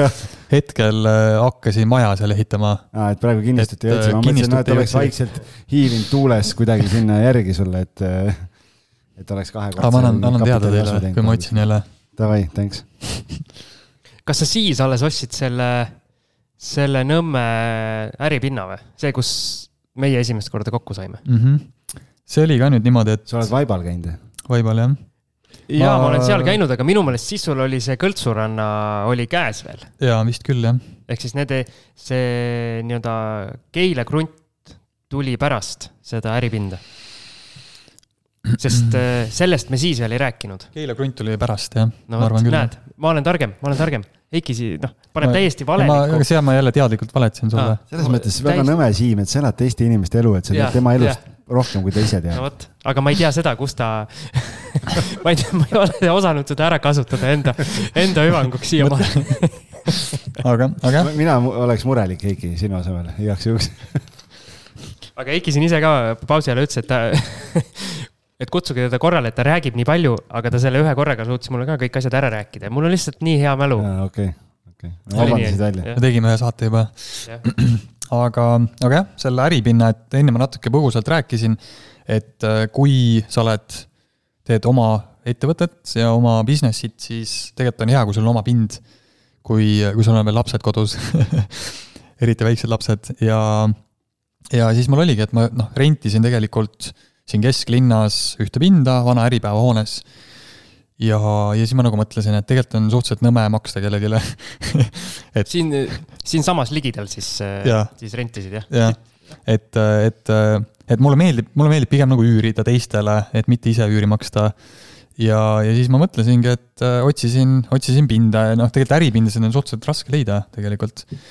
Ja, ja siis kuna ma ise endiselt hetkel elan veel Nõmmel, siis ma vaatasingi pigem nagu sinna piirkonda ka ja siis leidsin ühe sellise Hiiu pubi juures asub üks, üks uus arendus, mis tuli müügile ja tegelikult hästi mugavalt ka niimoodi, et sa said broneerida ja siis sul oli veel aasta aega mõelda, et kas sa siis tahad ja, ja raha koguda põhimõtteliselt, et oligi kümme protsenti maksin sisse. see on niisugune väikene kahekümne, noh, Siim on käinud seal, Siim saab öelda, Siim saab kinnitada, et see asi olemas on et, et sihuke, aga mis ta, mis tal on tegelikult äge veel see, et on tegelikult korter, et ongi korter, kaldkriips, äripind tegelikult, et asub nagu nullkorrusel, et sa saad tegelikult sisse põhimõtteliselt ka nii-öelda aknast või nagu siis sellisest rõduaknast äh, või uksest siis ütleme. aga ta on tegelikult korter, et seal on. Siim, kas sind lasti uksest või pidid aknast minema sa tulid aknast vist? ma vist tulin aknast, ma ei mäleta no mind lasti sisse, see on kõige tähtsam. see on oluline, jah. ja et seal on jah, kõik äh, korterielemendid tegelikult olemas ja tegelikult äh, nendel sarnastel pindadel tegelikult praegu hetkel kõik elatakse, et ma vist olen seal, vähemalt seal, äh, sealpool maja olen nagu esi- või nagu siis ainuke hetkel, kes kasutab nii-öelda äripinnana. ja et seal on noh, ongi WC, pesemisnurk kööginurk, mida mul hetkel ei ole, pole vajadust olnud ja siis väike selline garderoob või selline eraldi nurk. et sihuke kokku vist mingi sihuke kakskümmend viis, kuus-seitse ruutu, midagi sellist. ja praegu oleme seal aasta aega olnud rõõmsasti, et äh, abikaasa teeb seal massaaži, et tulge massaaži sinna et äh,. kas elav järjekord on või, aknast elav, sõna otseses mõttes et, äh, et jah, ja siis äh, praegu kombineerime niimoodi, et, et vahepeal kasutan mina ja siis, siis tema teeb seal massaaži ja, ja miks ta tegelikult investeering on, miks, miks ma näen seda sellist investeeringut, noh, investeering on nii teisiti, aga miks ma, miks ma näen seda plusspoolt on see, et mingi hetk, noh, ma olen mõelnud juba, et ma tahaks suuremat pinda mingi hetk ja noh, täpselt sama asi nagu kodu puhul, vaata, et kui sa alustad näiteks ühetoalise korteriga, noh, sul ei ole kohe raha, raha, et osta selline korter, kus me praegu salvestame, on ju, tõenäoliselt, siis äh, siis sa pead kuskilt alustama, siis ostadki kahetoalise, kolmetoalise ja siis ostad selle, kus me salvestame, on ju. aga äripinna puhul on samamoodi, et kui sa tahad lõpuks omada äripinda, eh, mis tegelikult minu meelest on väga mõistlik, kui sa vähegi leiad midagi sobivat, et kui sul ei ole, ütleme siis nagu äri mõttes mingid ülispetsiifilised eh, vajadused, noh, et sa mingi tootmisettevõte või mis iganes, on ju, et sul ongi kont-, kontoripinda vaja, siis tegelikult on väga lihtne, pigem ikkagist lihtne leida kontoripinda, siis sa saad samamoodi upgrade ida, et sa saad iga kahe-kolme-nelja aasta tagant upgrade ida tegelikult, kui sa ostad hea tehingu, võib-olla turg ka toetab, on ju, ja siis lõpuks sa saadki endale sellise võib-olla, ma ei tea, kolme-neljasaja tuhande eurose äripinna tegelikult, eh, kus on ka võimalik võib-olla osaliselt, ma olen ka mõelnud osaliselt seda välja rentida, eh, või siis noh, su äri ise kasvab näiteks või mis iganes, on ju, ja lõpuks kui sa saad kuuskümmend, siis sul on valida, on ju, et, et sul on väga suur tegelikult port-, tähendab, väga suur nagu ütleme siis objekt portfellis, mida sa saad ka realiseerida, on ju, kus sa saad võtta väga suure summa raha välja, on ju, mis sa muidu oleks selle kümne või viieteist, kahekümne aasta jooksul kellelegi teisele maksnud. et on samamoodi tegelikult väga mõistlik investeering tegelikult ja sa saad samamoodi alustada väiksemalt ja upgrade ida vot sellist. Äh, nii tarka meest olen, oleksime tahtnud ammu. ei olegi meil. peaks esimesse saatesse kutsuda. jaa, et oleks pidanud alustama ja. selle pauguga jah, et. Äh, ammu olen tahtnud mõnda nii tarka. sisuliselt sama asi, mis sa teed kodu, kodu puhul, sa lihtsalt teed sama asja, noh, äripinna puhul on ju, põhimõtteliselt. lihtsalt sa pead võib-olla, võib-olla alustama natukene samamoodi madalamalt, et kui sa nagu tahad võib-olla kohe mingit väga fancy't asja, siis sa võib-olla ei saa et sa pead lihtsalt jah, natuke niimoodi võib-olla alguses äh, vaatama, on ju, et millega sa saad hakkama, aga aga tegelikult sa saad päris kiiresti ju vahetada ja kasvada. et kui rääkida sellest pinnast, siis samamoodi ostsin viiekümne üheksa poolega, parkimiskoht oli sees, tähendab siis parkimiskoht oli ka, see oli viis-kuus tuhat, et koos sellega, kuus, ütleme kuuskümmend tuhat ja nüüd hinnati, hinnati siin nüüd samamoodi äh, koos teiste objektidega hindasin suve alguses üheksakümne kolme peale või üheksakümne kahe peale vist äkki. üheksakümmend kolm on kirjas. üheksakümmend kolm on kirjas, tõenäoliselt, tõenäoliselt on üheksakümmend kaks siis varuga et äh, siin on pani varuga jah, et äh,, et jah, selles mõttes, et paari aasta pärast saab upgrade ida, kui tahta tõenäoliselt. okei okay., meil see saade on ülipikaks läinud, aga meil on nii huvitavad asjad veel äh, on rääkida. kui su siiamaani kogu see nii-öelda kinnisvara CV on kulgenud nagu lilled ja liblikad, siis nüüd on kaks objekti, kus äh, kus äh, sul midagi juhtus. täitsa pekkis. jah, puterdama hakkasid järsku. lohakaks läinud jah ja. natukene. kõigepealt üks Keila objekt ja siis mingi, mingi Jürisse ostetud korter. no siis sellest hetkest, kui ma Siimuga hakkasin tegema et ei no millest me räägime? räägime sellest Keilast kõigepealt. Keilast või? jätame selle kõige no, maasika lõppu siis. põhimõtteliselt selle Keilaga jah, sellega nagu, sellega võib-olla ei ole läinud nagu nii hästi, et noh, sellega, ma ei tea, kui pikalt ma räägin, et eh, kas me teeme eraldi saate või räägin nagu lühidalt. no me teeme seal boonusosa ka. boonusosa ka, on ju. no lühidalt öeldes, mul tuli geniaalne mõte jälle Keilasse üks korter osta ja ma sain tõesti väga hea hinnaga selle, et ma ostsin selle tegelikult eelmise aasta lõpus novembris käisin vaatamas, aasta tagasi umbes, ja broneerisin ära ja müügihind oli kaheksakümmend kolm tuhat. ja see oli see hetk, kus tegelikult veel ei olnud nagu hinnad nagu nii palju tõusnud, et äh, naljakas on praegu tagantjärgi öelda seda, aga nii hull veel see seis ei olnud. ja samamoodi sihuke kappremonti vajav. ja, ja mõte oligi tegelikult sarnaselt nagu Siimuga Jüri objekt, et äh, teha sõbraga viiskümmend, viiskümmend, teha kappremont ja, ja müüki panna aga, aga see ütleme, protsess on oluliselt pikemaks läinud, sellepärast et vahepeal mul sõbral, mu sõber sai kahekordseks isaks, teisekordseks ja ja tal tulid mingid muud asjad peale, siis ma ostsin ta välja sellest objektist, nagu me Siimuga siin, Jüri, Jüris tegime mingeid asju. Ja siis mul oli vaja leida ise ehitajaid ja see oli see hetk, kus, kus asi, ütleme, võib-olla ei hakanud, ei jooksnud väga hästi. Läks rööbastelt maha või? Läks rööbastelt maha jah, et. käisid seal äh, kuskil keskväljakul otsimas neid ehitajaid või? no ma esialgu läksin Facebooki. siit tuleb ja... boonusosa, sellest tuleb boonusosa jah. et nendest ehitajatest me võime siin jah pikemalt rääkida, aga jah, lühidalt öeldes äh, jah, ütleme ehitajate taha. oota, algis kibeleb, kus meie boonusosad on? Jaa, kus boonusosas kuulata, patreon.com kaldkriips kinnisvarajutud, nii et seal siis saate kuulata. kaldkriips ehitajad. kõik eile ehitajad värisege praegu, et täis tuleb boonusosa nimed, isikukoodid, kõik asjad.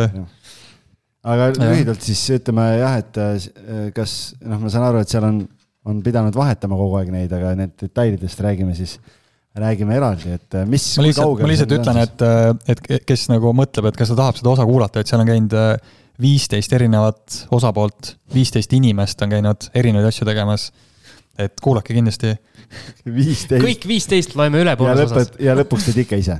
ja lõpuks, no mina ja mu sõber oleme ka nagu sinna viieteist sisse arvestatud, aga lõpuks teeme ise ikka, jah. nii et äh, see boonusosa, kui on nii palju osapooli, siis ma arvan, sealt tuleb eraldi kõige, rekord boonusosa, jah. aga see on ikkagi nii-öelda mõeldud müügiks teha, et äh, see kümme kuud on nii pikk aeg olnud, et mul on siin vist, ma ei tea, mitu mõtet käinud läbi juba, et ma alguses mõtlesin, et ma. ma alguses, ma alguses mõtlesin, et ma jätan, et jätan pooleli, et üldse lihtsalt jätan seisma, siis on mõte olnud. annad omavalitsusele kingid ära, jah? et äh, jah, see on ka see ei ole halb mõte, kui ma praegu mõtlen, lihtsalt äh, loobuda, aga aga mõtted on olnud jah, et äh, noh, esialgu oli mõte nagu flip ida, on ju, kiire flip nii-öelda, on ju. päris hea kiire flip. see on nagu jah, see, see, sellega on korras, on ju. siis äh, mingi hetk mõtlesin isegi ise elama minna sinna, sellepärast et kui ma nüüd, ma mõtlesin, et noh, hakkan maja Keilasse ehitama, on ju, siis mõtlesin, et noh, väga hea, on ju. aga siis ma noh, selle mõtte unustasin ka ära mingi hetk, on ju, sest et ma ikkagist ei tahaks korterisse minna sinna Keilasse, tahaks ikka majja minna. ja siis äh, mis mul see kolmas oli ah,, kolmas oli jah, et, et hoida, jätta nagu üürile nii-öelda, on ju.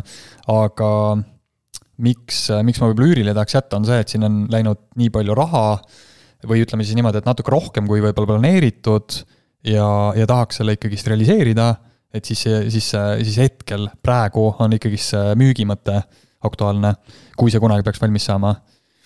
ja sa loodad, et müügihind võiks olla sada kolmkümmend, sada nelikümmend tuhat see on jah, niisugune. kui kümme kuud veel läheb, siis võib-olla. kolmteist, neliteist tuhat. kolmteist, neliteist et äh, ütleme niimoodi, et ma arvan, noh, kui me nagu päriselt räägime nagu päri-, nagu esimest korda päriselt. ma arvan, et me oleme kogu aeg rääkinud päriselt, aga või. siis, äh, siis ma arvan, et, äh, ma arvan, et see, see reaalne, see müügihind jääb sinna vahemikku sada kakskümmend viis kuni sada kolmkümmend viis. et sada nelikümmend, ma arvan jah, võib-olla natukene liiga positiivne aga ma arvan, et see niisugune sada, sada kakskümmend viis on täiesti reaalne hind sellisel äh, kapremonditud korteril. aga sada kakskümmend viis, äh, sa tuleks ka veel nii-öelda nulliga välja sealt? ma tuleks äh, saja kahekümne viiega, tuleks endiselt, ma arvan, et niisugune vähemalt kakskümmend tuhat oleks puhast ikkagi sees, umbes et midagi nagu siis, katastroofilist ei ole. torme on aega veel äh, teha, et võib pikendada. et ma võin siin veel kümme, võin kümme kuud veel teha, et ei pea seda välja võtma, et ei pea alati kasumit välja võtma. ei, ei pea. aga noh, päeva lõpuks on see, et siis, kui notaris on käidud, on ju, et siis saab, siis saab neid äh, lugeda neid kupüüre. just, ja siis jõuame selle, selle Jüri korterini, kus finaale. Siim tuli ja sundis su, sundis Heiki Eh, oma huudist välja kuskile Jürisse eh, ka kiiret flippi tegema. ja. ütles, et seal on suured rahad, et. mul on mitu küsimust, esiteks Heiki, mis sulle arus Mis? oli, et Siimuga koos midagi teha ja teiseks, mis sulle arus oli, et Jürisse minna? no Siim ütles, et äh, big money, people come, tule Jürisse. superturg, turg on väga kõik hea. liigub, äh, vähe nõudlust. see oli suvi ka siis, ilus ilm oli. vähe nõudlust, palju nõudlust, vähe käisime seal, pakkumist. käisime, ja oligi, käisime seal, Siim äh, käis, näitas oma äh, Kehra korterit ja siis näitas oma, noh, näitas oma ilusat äh, Jüri piirkonda seal ja noh, müüs maha nagu selle mõtte ja noh, nii see läks. Et äh, jah. kohalik, kohalik usaldusväärne maakler. müügi, müügi tegemiseks ei pea olema digiturundaja, võib ka manuaalselt ei, asju teha. pigem just ongi see, et sa pead inimese kohale saama ja emotsiooniga müüma tegelikult, et see on tegelikult õigem. et, et selles mõttes jah. et pimestas ära sind? jaa, vaatasin, et nii ilus koht, et äh, siia peab midagi võtma. ühesõnaga räägi nüüd oma, oma vaatenurgast kogu see saaga ära ja siis ma, siis ma räägin, kuidas tegelikult oli.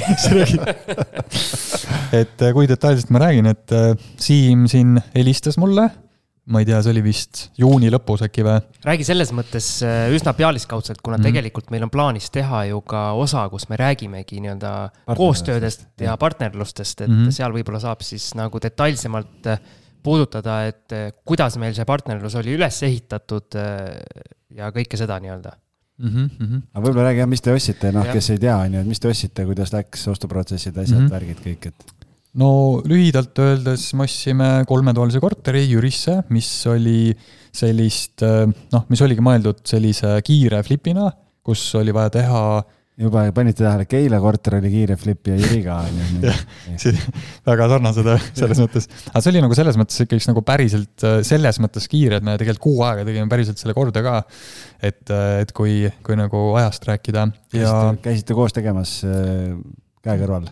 Käe kõrval käisime tegemas. kas ja. tööjaotus oli kuidagi väga põhjalik, ära jaotatud või? kõik nõmedad tööd ma jätsin Heikile. või loomulikult? jah, kusjuures oli niimoodi jah. kõik nõmedad tööd tegi Heiki ära. kõik siuksed mustad tööd olid mul ja. ja kusjuures. Siim käis lihtsalt võtmed käes seal ringi. lõpuks, lõpuks sa tegid need nõmedad tööd, mida me pidime ikkagi teistmoodi üle tegema, kuna esimene variant ei õnnestunud mm. -hmm. ma räägin köögist siis. jah, jah. aga jah noh, kõige suurem asi oligi jah, see köök, mis me alguses mõtlesime, et oi, et siin ei ole midagi teha, aga, aga oli küll ja siis, mis, mis väga positiivne on see, et Siim sai esimest korda plaatida köögis. et see oli kindlasti, Siim oli väga õnnelik. et oli näha, et oli väga rahulolev, sai uue, uue asja selgeks. ma ei hakka kõvasti ütlema ja siis, aga ei, tegelikult noh, tegelikult tööprotsess läks minu arust hästi, et võtsime tapeedi maha ja panime uue tapeedi ja käisime, ostsime natuke mööblit, saime saime sellist kasutatud marketplace'ist voodi ja diivani ja täitsa viisakad ja köö-, köögi, köö-, köögi lõpptulemus oli ka minu arust väga viisakas. kelder on suur, sellest, sellest me rääkisime juba ja, ja siis. kui suur see siis on, rääkige kuulajatele ka. see on mingi sihuke kuusteist ruutu vähemalt wow.. ja välja ehitatud. ja välja ehitatud niimoodi, et on nagu töölaud, eraldi elekter on, tuleb otse, otse nagu korteri. seinad on krohvitud ja värvitud pommi, ja kõik riiulid ja värgid ja. viisakas pommi. põhimõtteliselt saaks eraldi välja rentida vabalt täna. ja, ja aken on keldris. aken on ka no vot, et sul ka äripind ju, sa ütlesid, et saab uksest või aknast. mul on ka nüüd äripind sada üheksakümmend eurot kuus. ma just ma see nädal võtsin igalt poolt üle linna kõik oma ehitus, ehitusmaterjalid ja jäägid ja ehitus mitte ehitus, tööriistad ja kõik asjad, mis mul on erinevate korterite keldrites, mis mul kasutada on. panin auto peale ja viisin kõik sinna ja põhimõtteliselt ei saa, ei saa arugi, et seal keldris midagi üldse on. ongi äripind, väike kontorilaud on seal ja just. järgmine salvestus on seal. jah. no vot. elekter on. kui see, kui see nüüd ära läheb ka siin see korter ja siis, no vot. et me ei ole sihukesest pommivariandist kunagi vari-, kunagi salvestanud, et see oleks väga, väga mõnus koht. ei, aga jah, üliäge kelder selles mõttes, et äh, see oli äh,, aga põhimõtteliselt räägime edasi, et ma ostsin selle korteri siis nagu selles mõttes ära, et ma ostsin. müük ei läinud ühesõnaga. müük ei läinud jah, et äh, meile tundus, et Räägime Jüri turg jäi nagu täiesti seisma. me panime küll üsna kalli hinnaga alguses ja mõned huvilised käisid ja ühe inimesega justkui nagu hakkas asjaks ka minema, aga ta ei saanud esialgu ei saanud äh, laenu pangast ja hiljem ta kuidagi nagu tuli tagasi nagu. väga ei, noh, tal oli ikkagist mingi kahtlus ka, onju. ma sain aru, et tal oli see, et nagu tema tahaks, aga abikaasa ei taha, ehk siis äh, ta nagu punnitas ja, ja noh, pigem ma arvan, et ta oli õnnelik, et ma nagu ise nagu ei läinud äh, nagu sundima nagu, nagu minu puhul oli. ühesõnaga siis me langetasime hinda oluliselt mm. -hmm. samal ajal müüb ju siiamaani tegelikult, äh, müüb ka Algis ühte ja. Jüri korterit, kus tal vist ei ole keegi, keegi vaatamas käinud. kinnitan, et turg seisab täitsa seal, ma ei tea, mis seal toimub, et. Äh, aga see on natuke naljakas. natuke naljakas, jah. et äh, Jüris, et. Mhm. et ma olen väga üllatunud, sellepärast et äh, et äh, mingeid huvilisi on olnud siin telefoni teel, meili teel, kohale väga keegi ei jõua ja, ja noh, hinna taha kindlasti asi ei jää. sul on nüüd juba see... paar kuud vist olnud vähemalt no, või, või rohkem juba? ma arvan, umbes kaks kuud ja mm -hmm. nagu huvi on nullilähedane mm. -hmm no ja seal meie korteris tegelikult ei ole ühtegi sellist äh, nii-öelda karjuvat probleemi, mistõttu võib-olla huvi ei oleks, sest kommunaalid on mõistlikud mm -hmm. kolmetoalise korteri kohta, on ju okei okay,, ta on kolmetoalise kohta nii-öelda kriips võib-olla väike, et ta on äh, napilt alla kuuekümne ruudu, viiskümmend üheksa koma kaheksa vist oli see. tänaste kõrgete kommudega võib-olla ei just, ole halb asi. jah, et see on ei nagu ole. selles mõttes positiivne pigem, et äh, ta näeb hea välja. ta on küll nii-öelda vanemas majas, eks, mingi kaheksakümnendate aastate maja, aga, aga ta näeb hea välja, parkimiskoht on nii-öelda korteril nii-öelda nummerdatud, et kõik on nagu okei okay,, aga jah, kuidagi nagu täiesti, täiesti seisab. kelder on super, on ju. ja siis ma nagu otsustasingi, meil oli, algusest peale tegelikult oli plaan B ja ma siin saates isegi nii-öelda kilkasin ka mingi hetk, et oo, see plaan B mulle juba isegi meeldiks rohkem vaata, et nagu ma siin kunagi olen rääkinud. sõna, sõnasid ära selles, jah. just, et tahan seal Jüris hakata nii-öelda veidi suuremate korteritega. ühesõnaga, Eiki, ta ei olnud väga motiveeritud müüja. no saan aru, jah ühesõnaga, suur põhjus, miks ma jah, ikkagi nagu väga leplikult selle plaan B peale läksin, oli see suur kelder. et mul on nüüd kõik auto, autorehvid ja okei okay,, ma ei tea, kas ma saan välja öelda seda kuidas, Eiki, kuidas, kuidas sa nüüd tunned siis, Eiki, kas tõmmati vaip jalge alt ära nagu? nagu Siimu poolt või? no ikka. oota nüüd, Eiki osteti välja, Eiki sai oma kasumi kätte. ma ei ole, ma ei ma ei tea midagi. Eiki sai oma kasumi kätte, temal on käed puhtaks pestud, raha on ammu kontol tagasi. mina, mina otsin sinna korterisse üürnikku mul on äh, seal käinud ka kolm inimest vaatamas ja ma ilmselt küsin liiga suurt hinda. ma panin algust selle nii-öelda prognoosiga, mis see üürihind on, panin totaalselt pange. selle, seda ma saan tunnistada, et äh, ma ei tea, mille pealt mul see arvamus oli kujundatud. sa vaatasid kesklinna võib-olla? ei, ma vaatasin mingi aeg tagasi, vaatasin neid üürihindu, kus pakkumine oli väga väike. no see oli see tõesti see buumi tipp siin nii-öelda suvel või äh, seal suve lõpus, aga nüüd on niimoodi, et Peetri, Järveküla ja, ja Jüris ka seda üüripakkumist, lisaks ka siis äh, müügipakkumist on oluliselt, oluliselt rohkem. mulle tundub silma järgi vaadates, ma ei ole küll numbreid nagu niimoodi nii-öelda võrrelnud, aga silma järgi no ikka kordades rohkem.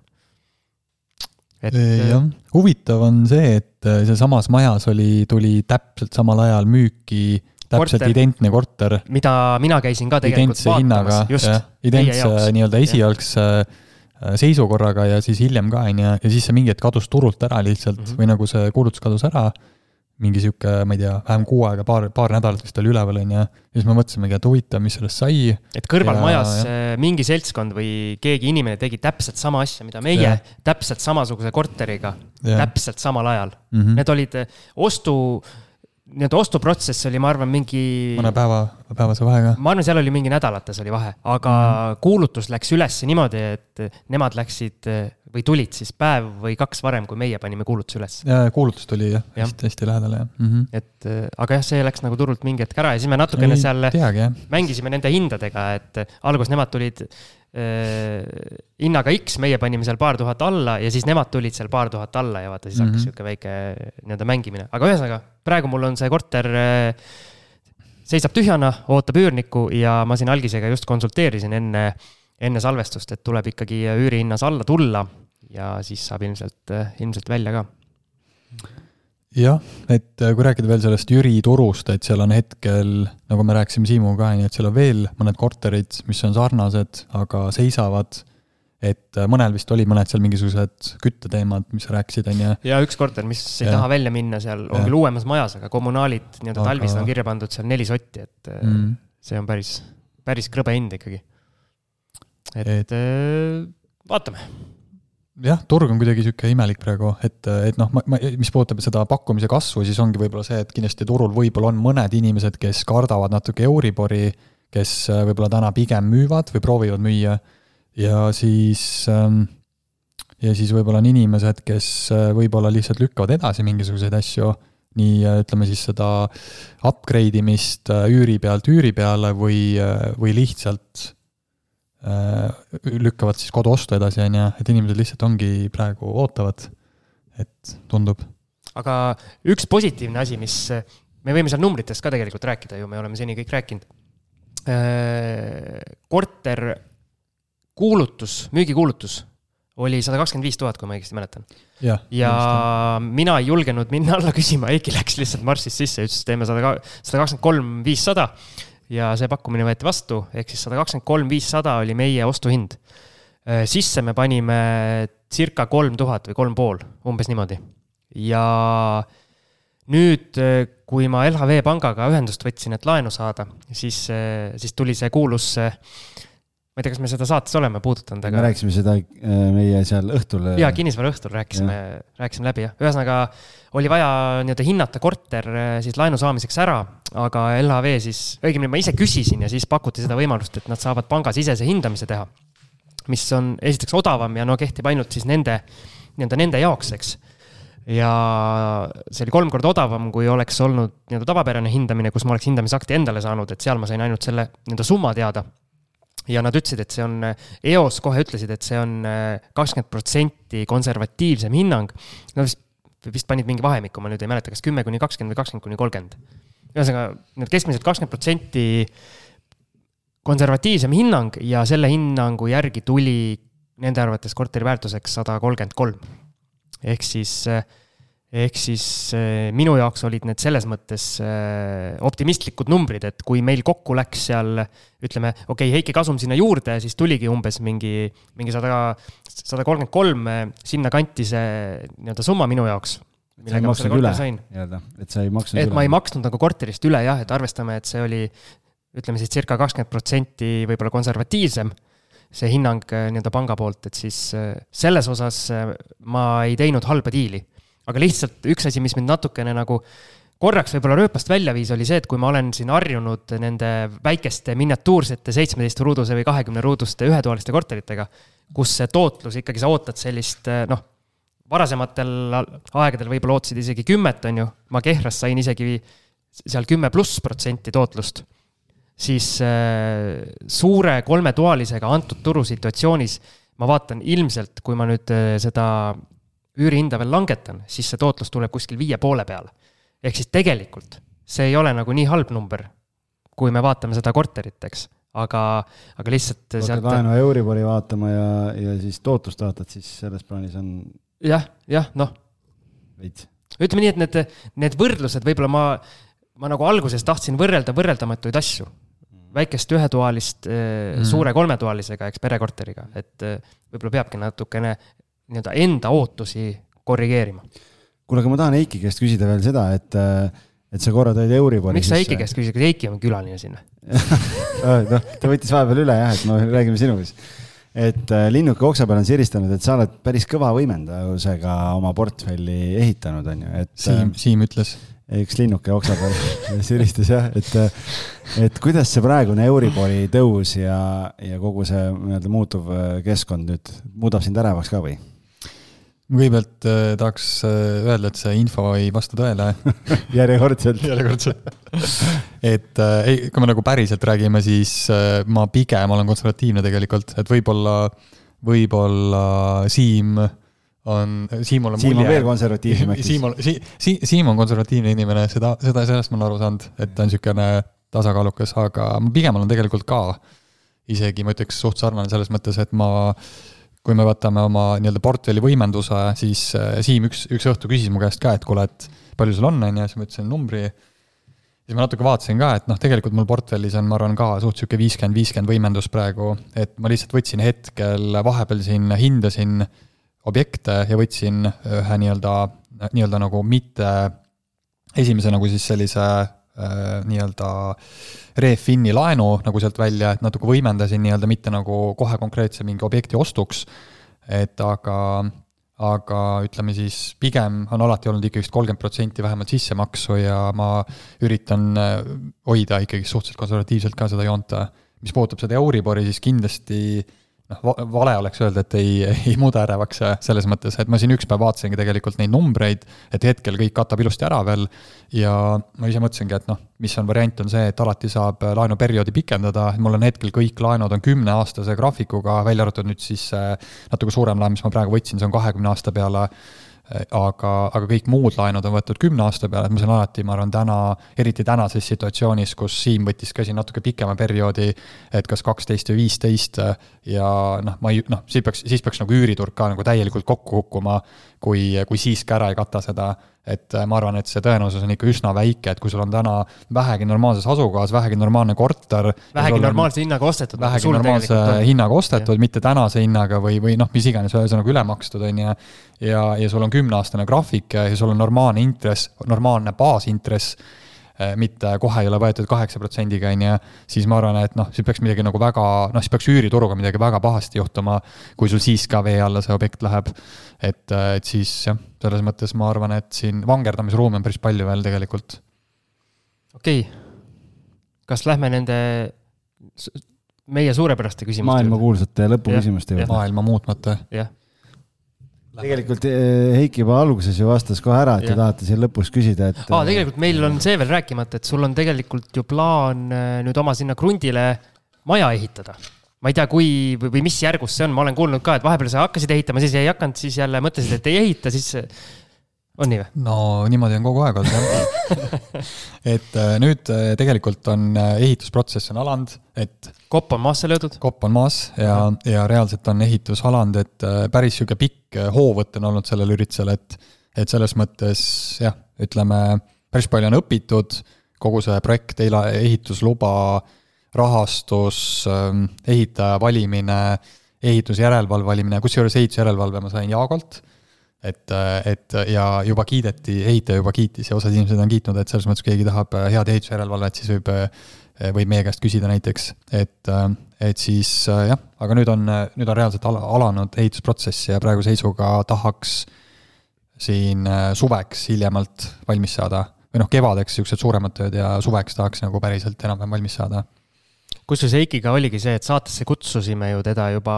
üsna ammu ja siis ta ütles, et oota, ma teen selle Keila korteri lõpuni. ja siis ma mõtlesin, et nüüd, kui ta seda maja alustas, siis ta nagunii järgmisena ütleb, et oota, ma teen selle maja ka valmis ja siis tal tuleb mingi järgmine asi ja siis. Äh, ei, mul oli ainult selle Keila korteriga, et ma mõtlesin, et ma. no aga seda oli näha, et sa ei saagi seda valmis. mul oli silmis oli nii suur häbi, et ma mõtlesin, et ma ei saa enne tulla siia, aga siis mõtlesin, et et okei okay.. sellepärast mees seal mingi tund viisteist alguses oma nendest positiivsetest ja, asjadest ja, nii pikalt ja, rääkiski. et ei mahuks sisse. et kõik kuulajad olid selleks ajaks juba väsinud ja panid kinni. äkki läheb meelest ära küsida. okei okay, aga kuule, sa vist äh, selle õppetunni küsimuse vastasid ära või on sul sinna veel midagi panna, ma ei tea. Keila. Keila on õppetund, jah? see ei ole veel läbi lihtsalt.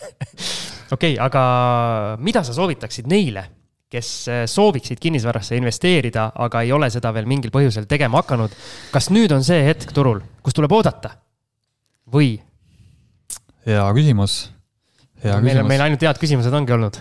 no seda on selles mõttes raske öelda, selles mõttes, et igaüks on oma, oma mätta otsas, et ma, mina saan öelda, et ma täna ise isiklikult, kuna mul on muud asjad praegu laual, siis mina hetkel ise ei otsi aga noh, kõik olenebki sellest, et äh, ma ei tea, kui sa oled täna, ma ei tea, kolm aastat mõelnud selle peale, sul on olemas laenuvõime, sul on olemas oma finantseering, siis ja sa tahad proovida, sa endiselt oled huvitatud, sa oled käinud vaatamas mingeid kortereid, siis mina ostaks, täna ka ostaks, selles mõttes, et kui sa, kui sa suudad ikkagist need numbrid Excelis enam-vähem jooksma panna, siis pole tegelikult olemas niisugust nagu väga halba aega, et võta kas või siis seda esimest sellist õpp-, õppetehingut, loomulikult sa pead läbi mõtlema need asjad, et noh, ongi, võta arvesse siis see praegune Euribor ja kõik need asjad ka, on ju, et noh, turg on natuke muutunud viimase poole aastaga ja hinnad on täna sellised, kus tegelikult võib saada juba päris häid asju, kui ütleme just nagu eriti korteritel, millel on mingid probleemid, näiteks küte,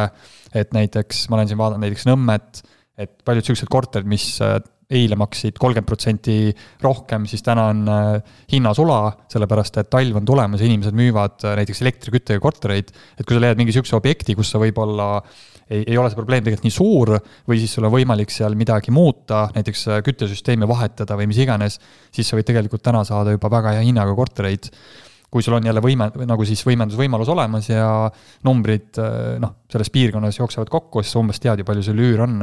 või noh, see on võimalik ikkagist enam-vähem paika panna.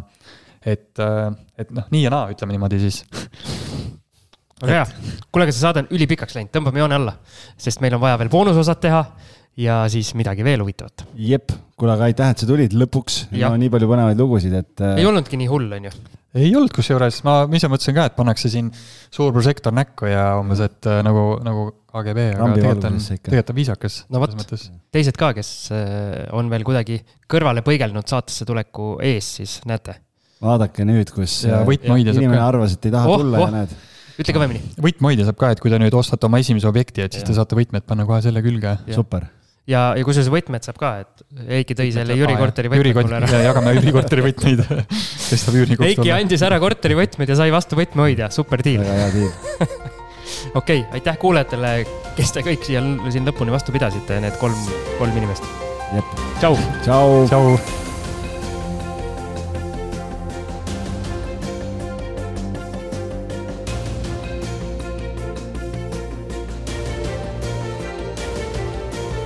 Kinnisvarainvestoritele loodud kinnisvarabüroo, aitame sind alates esimesest sammust kuni lõpptulemuseni välja. vaata lähemalt www.onestate.ee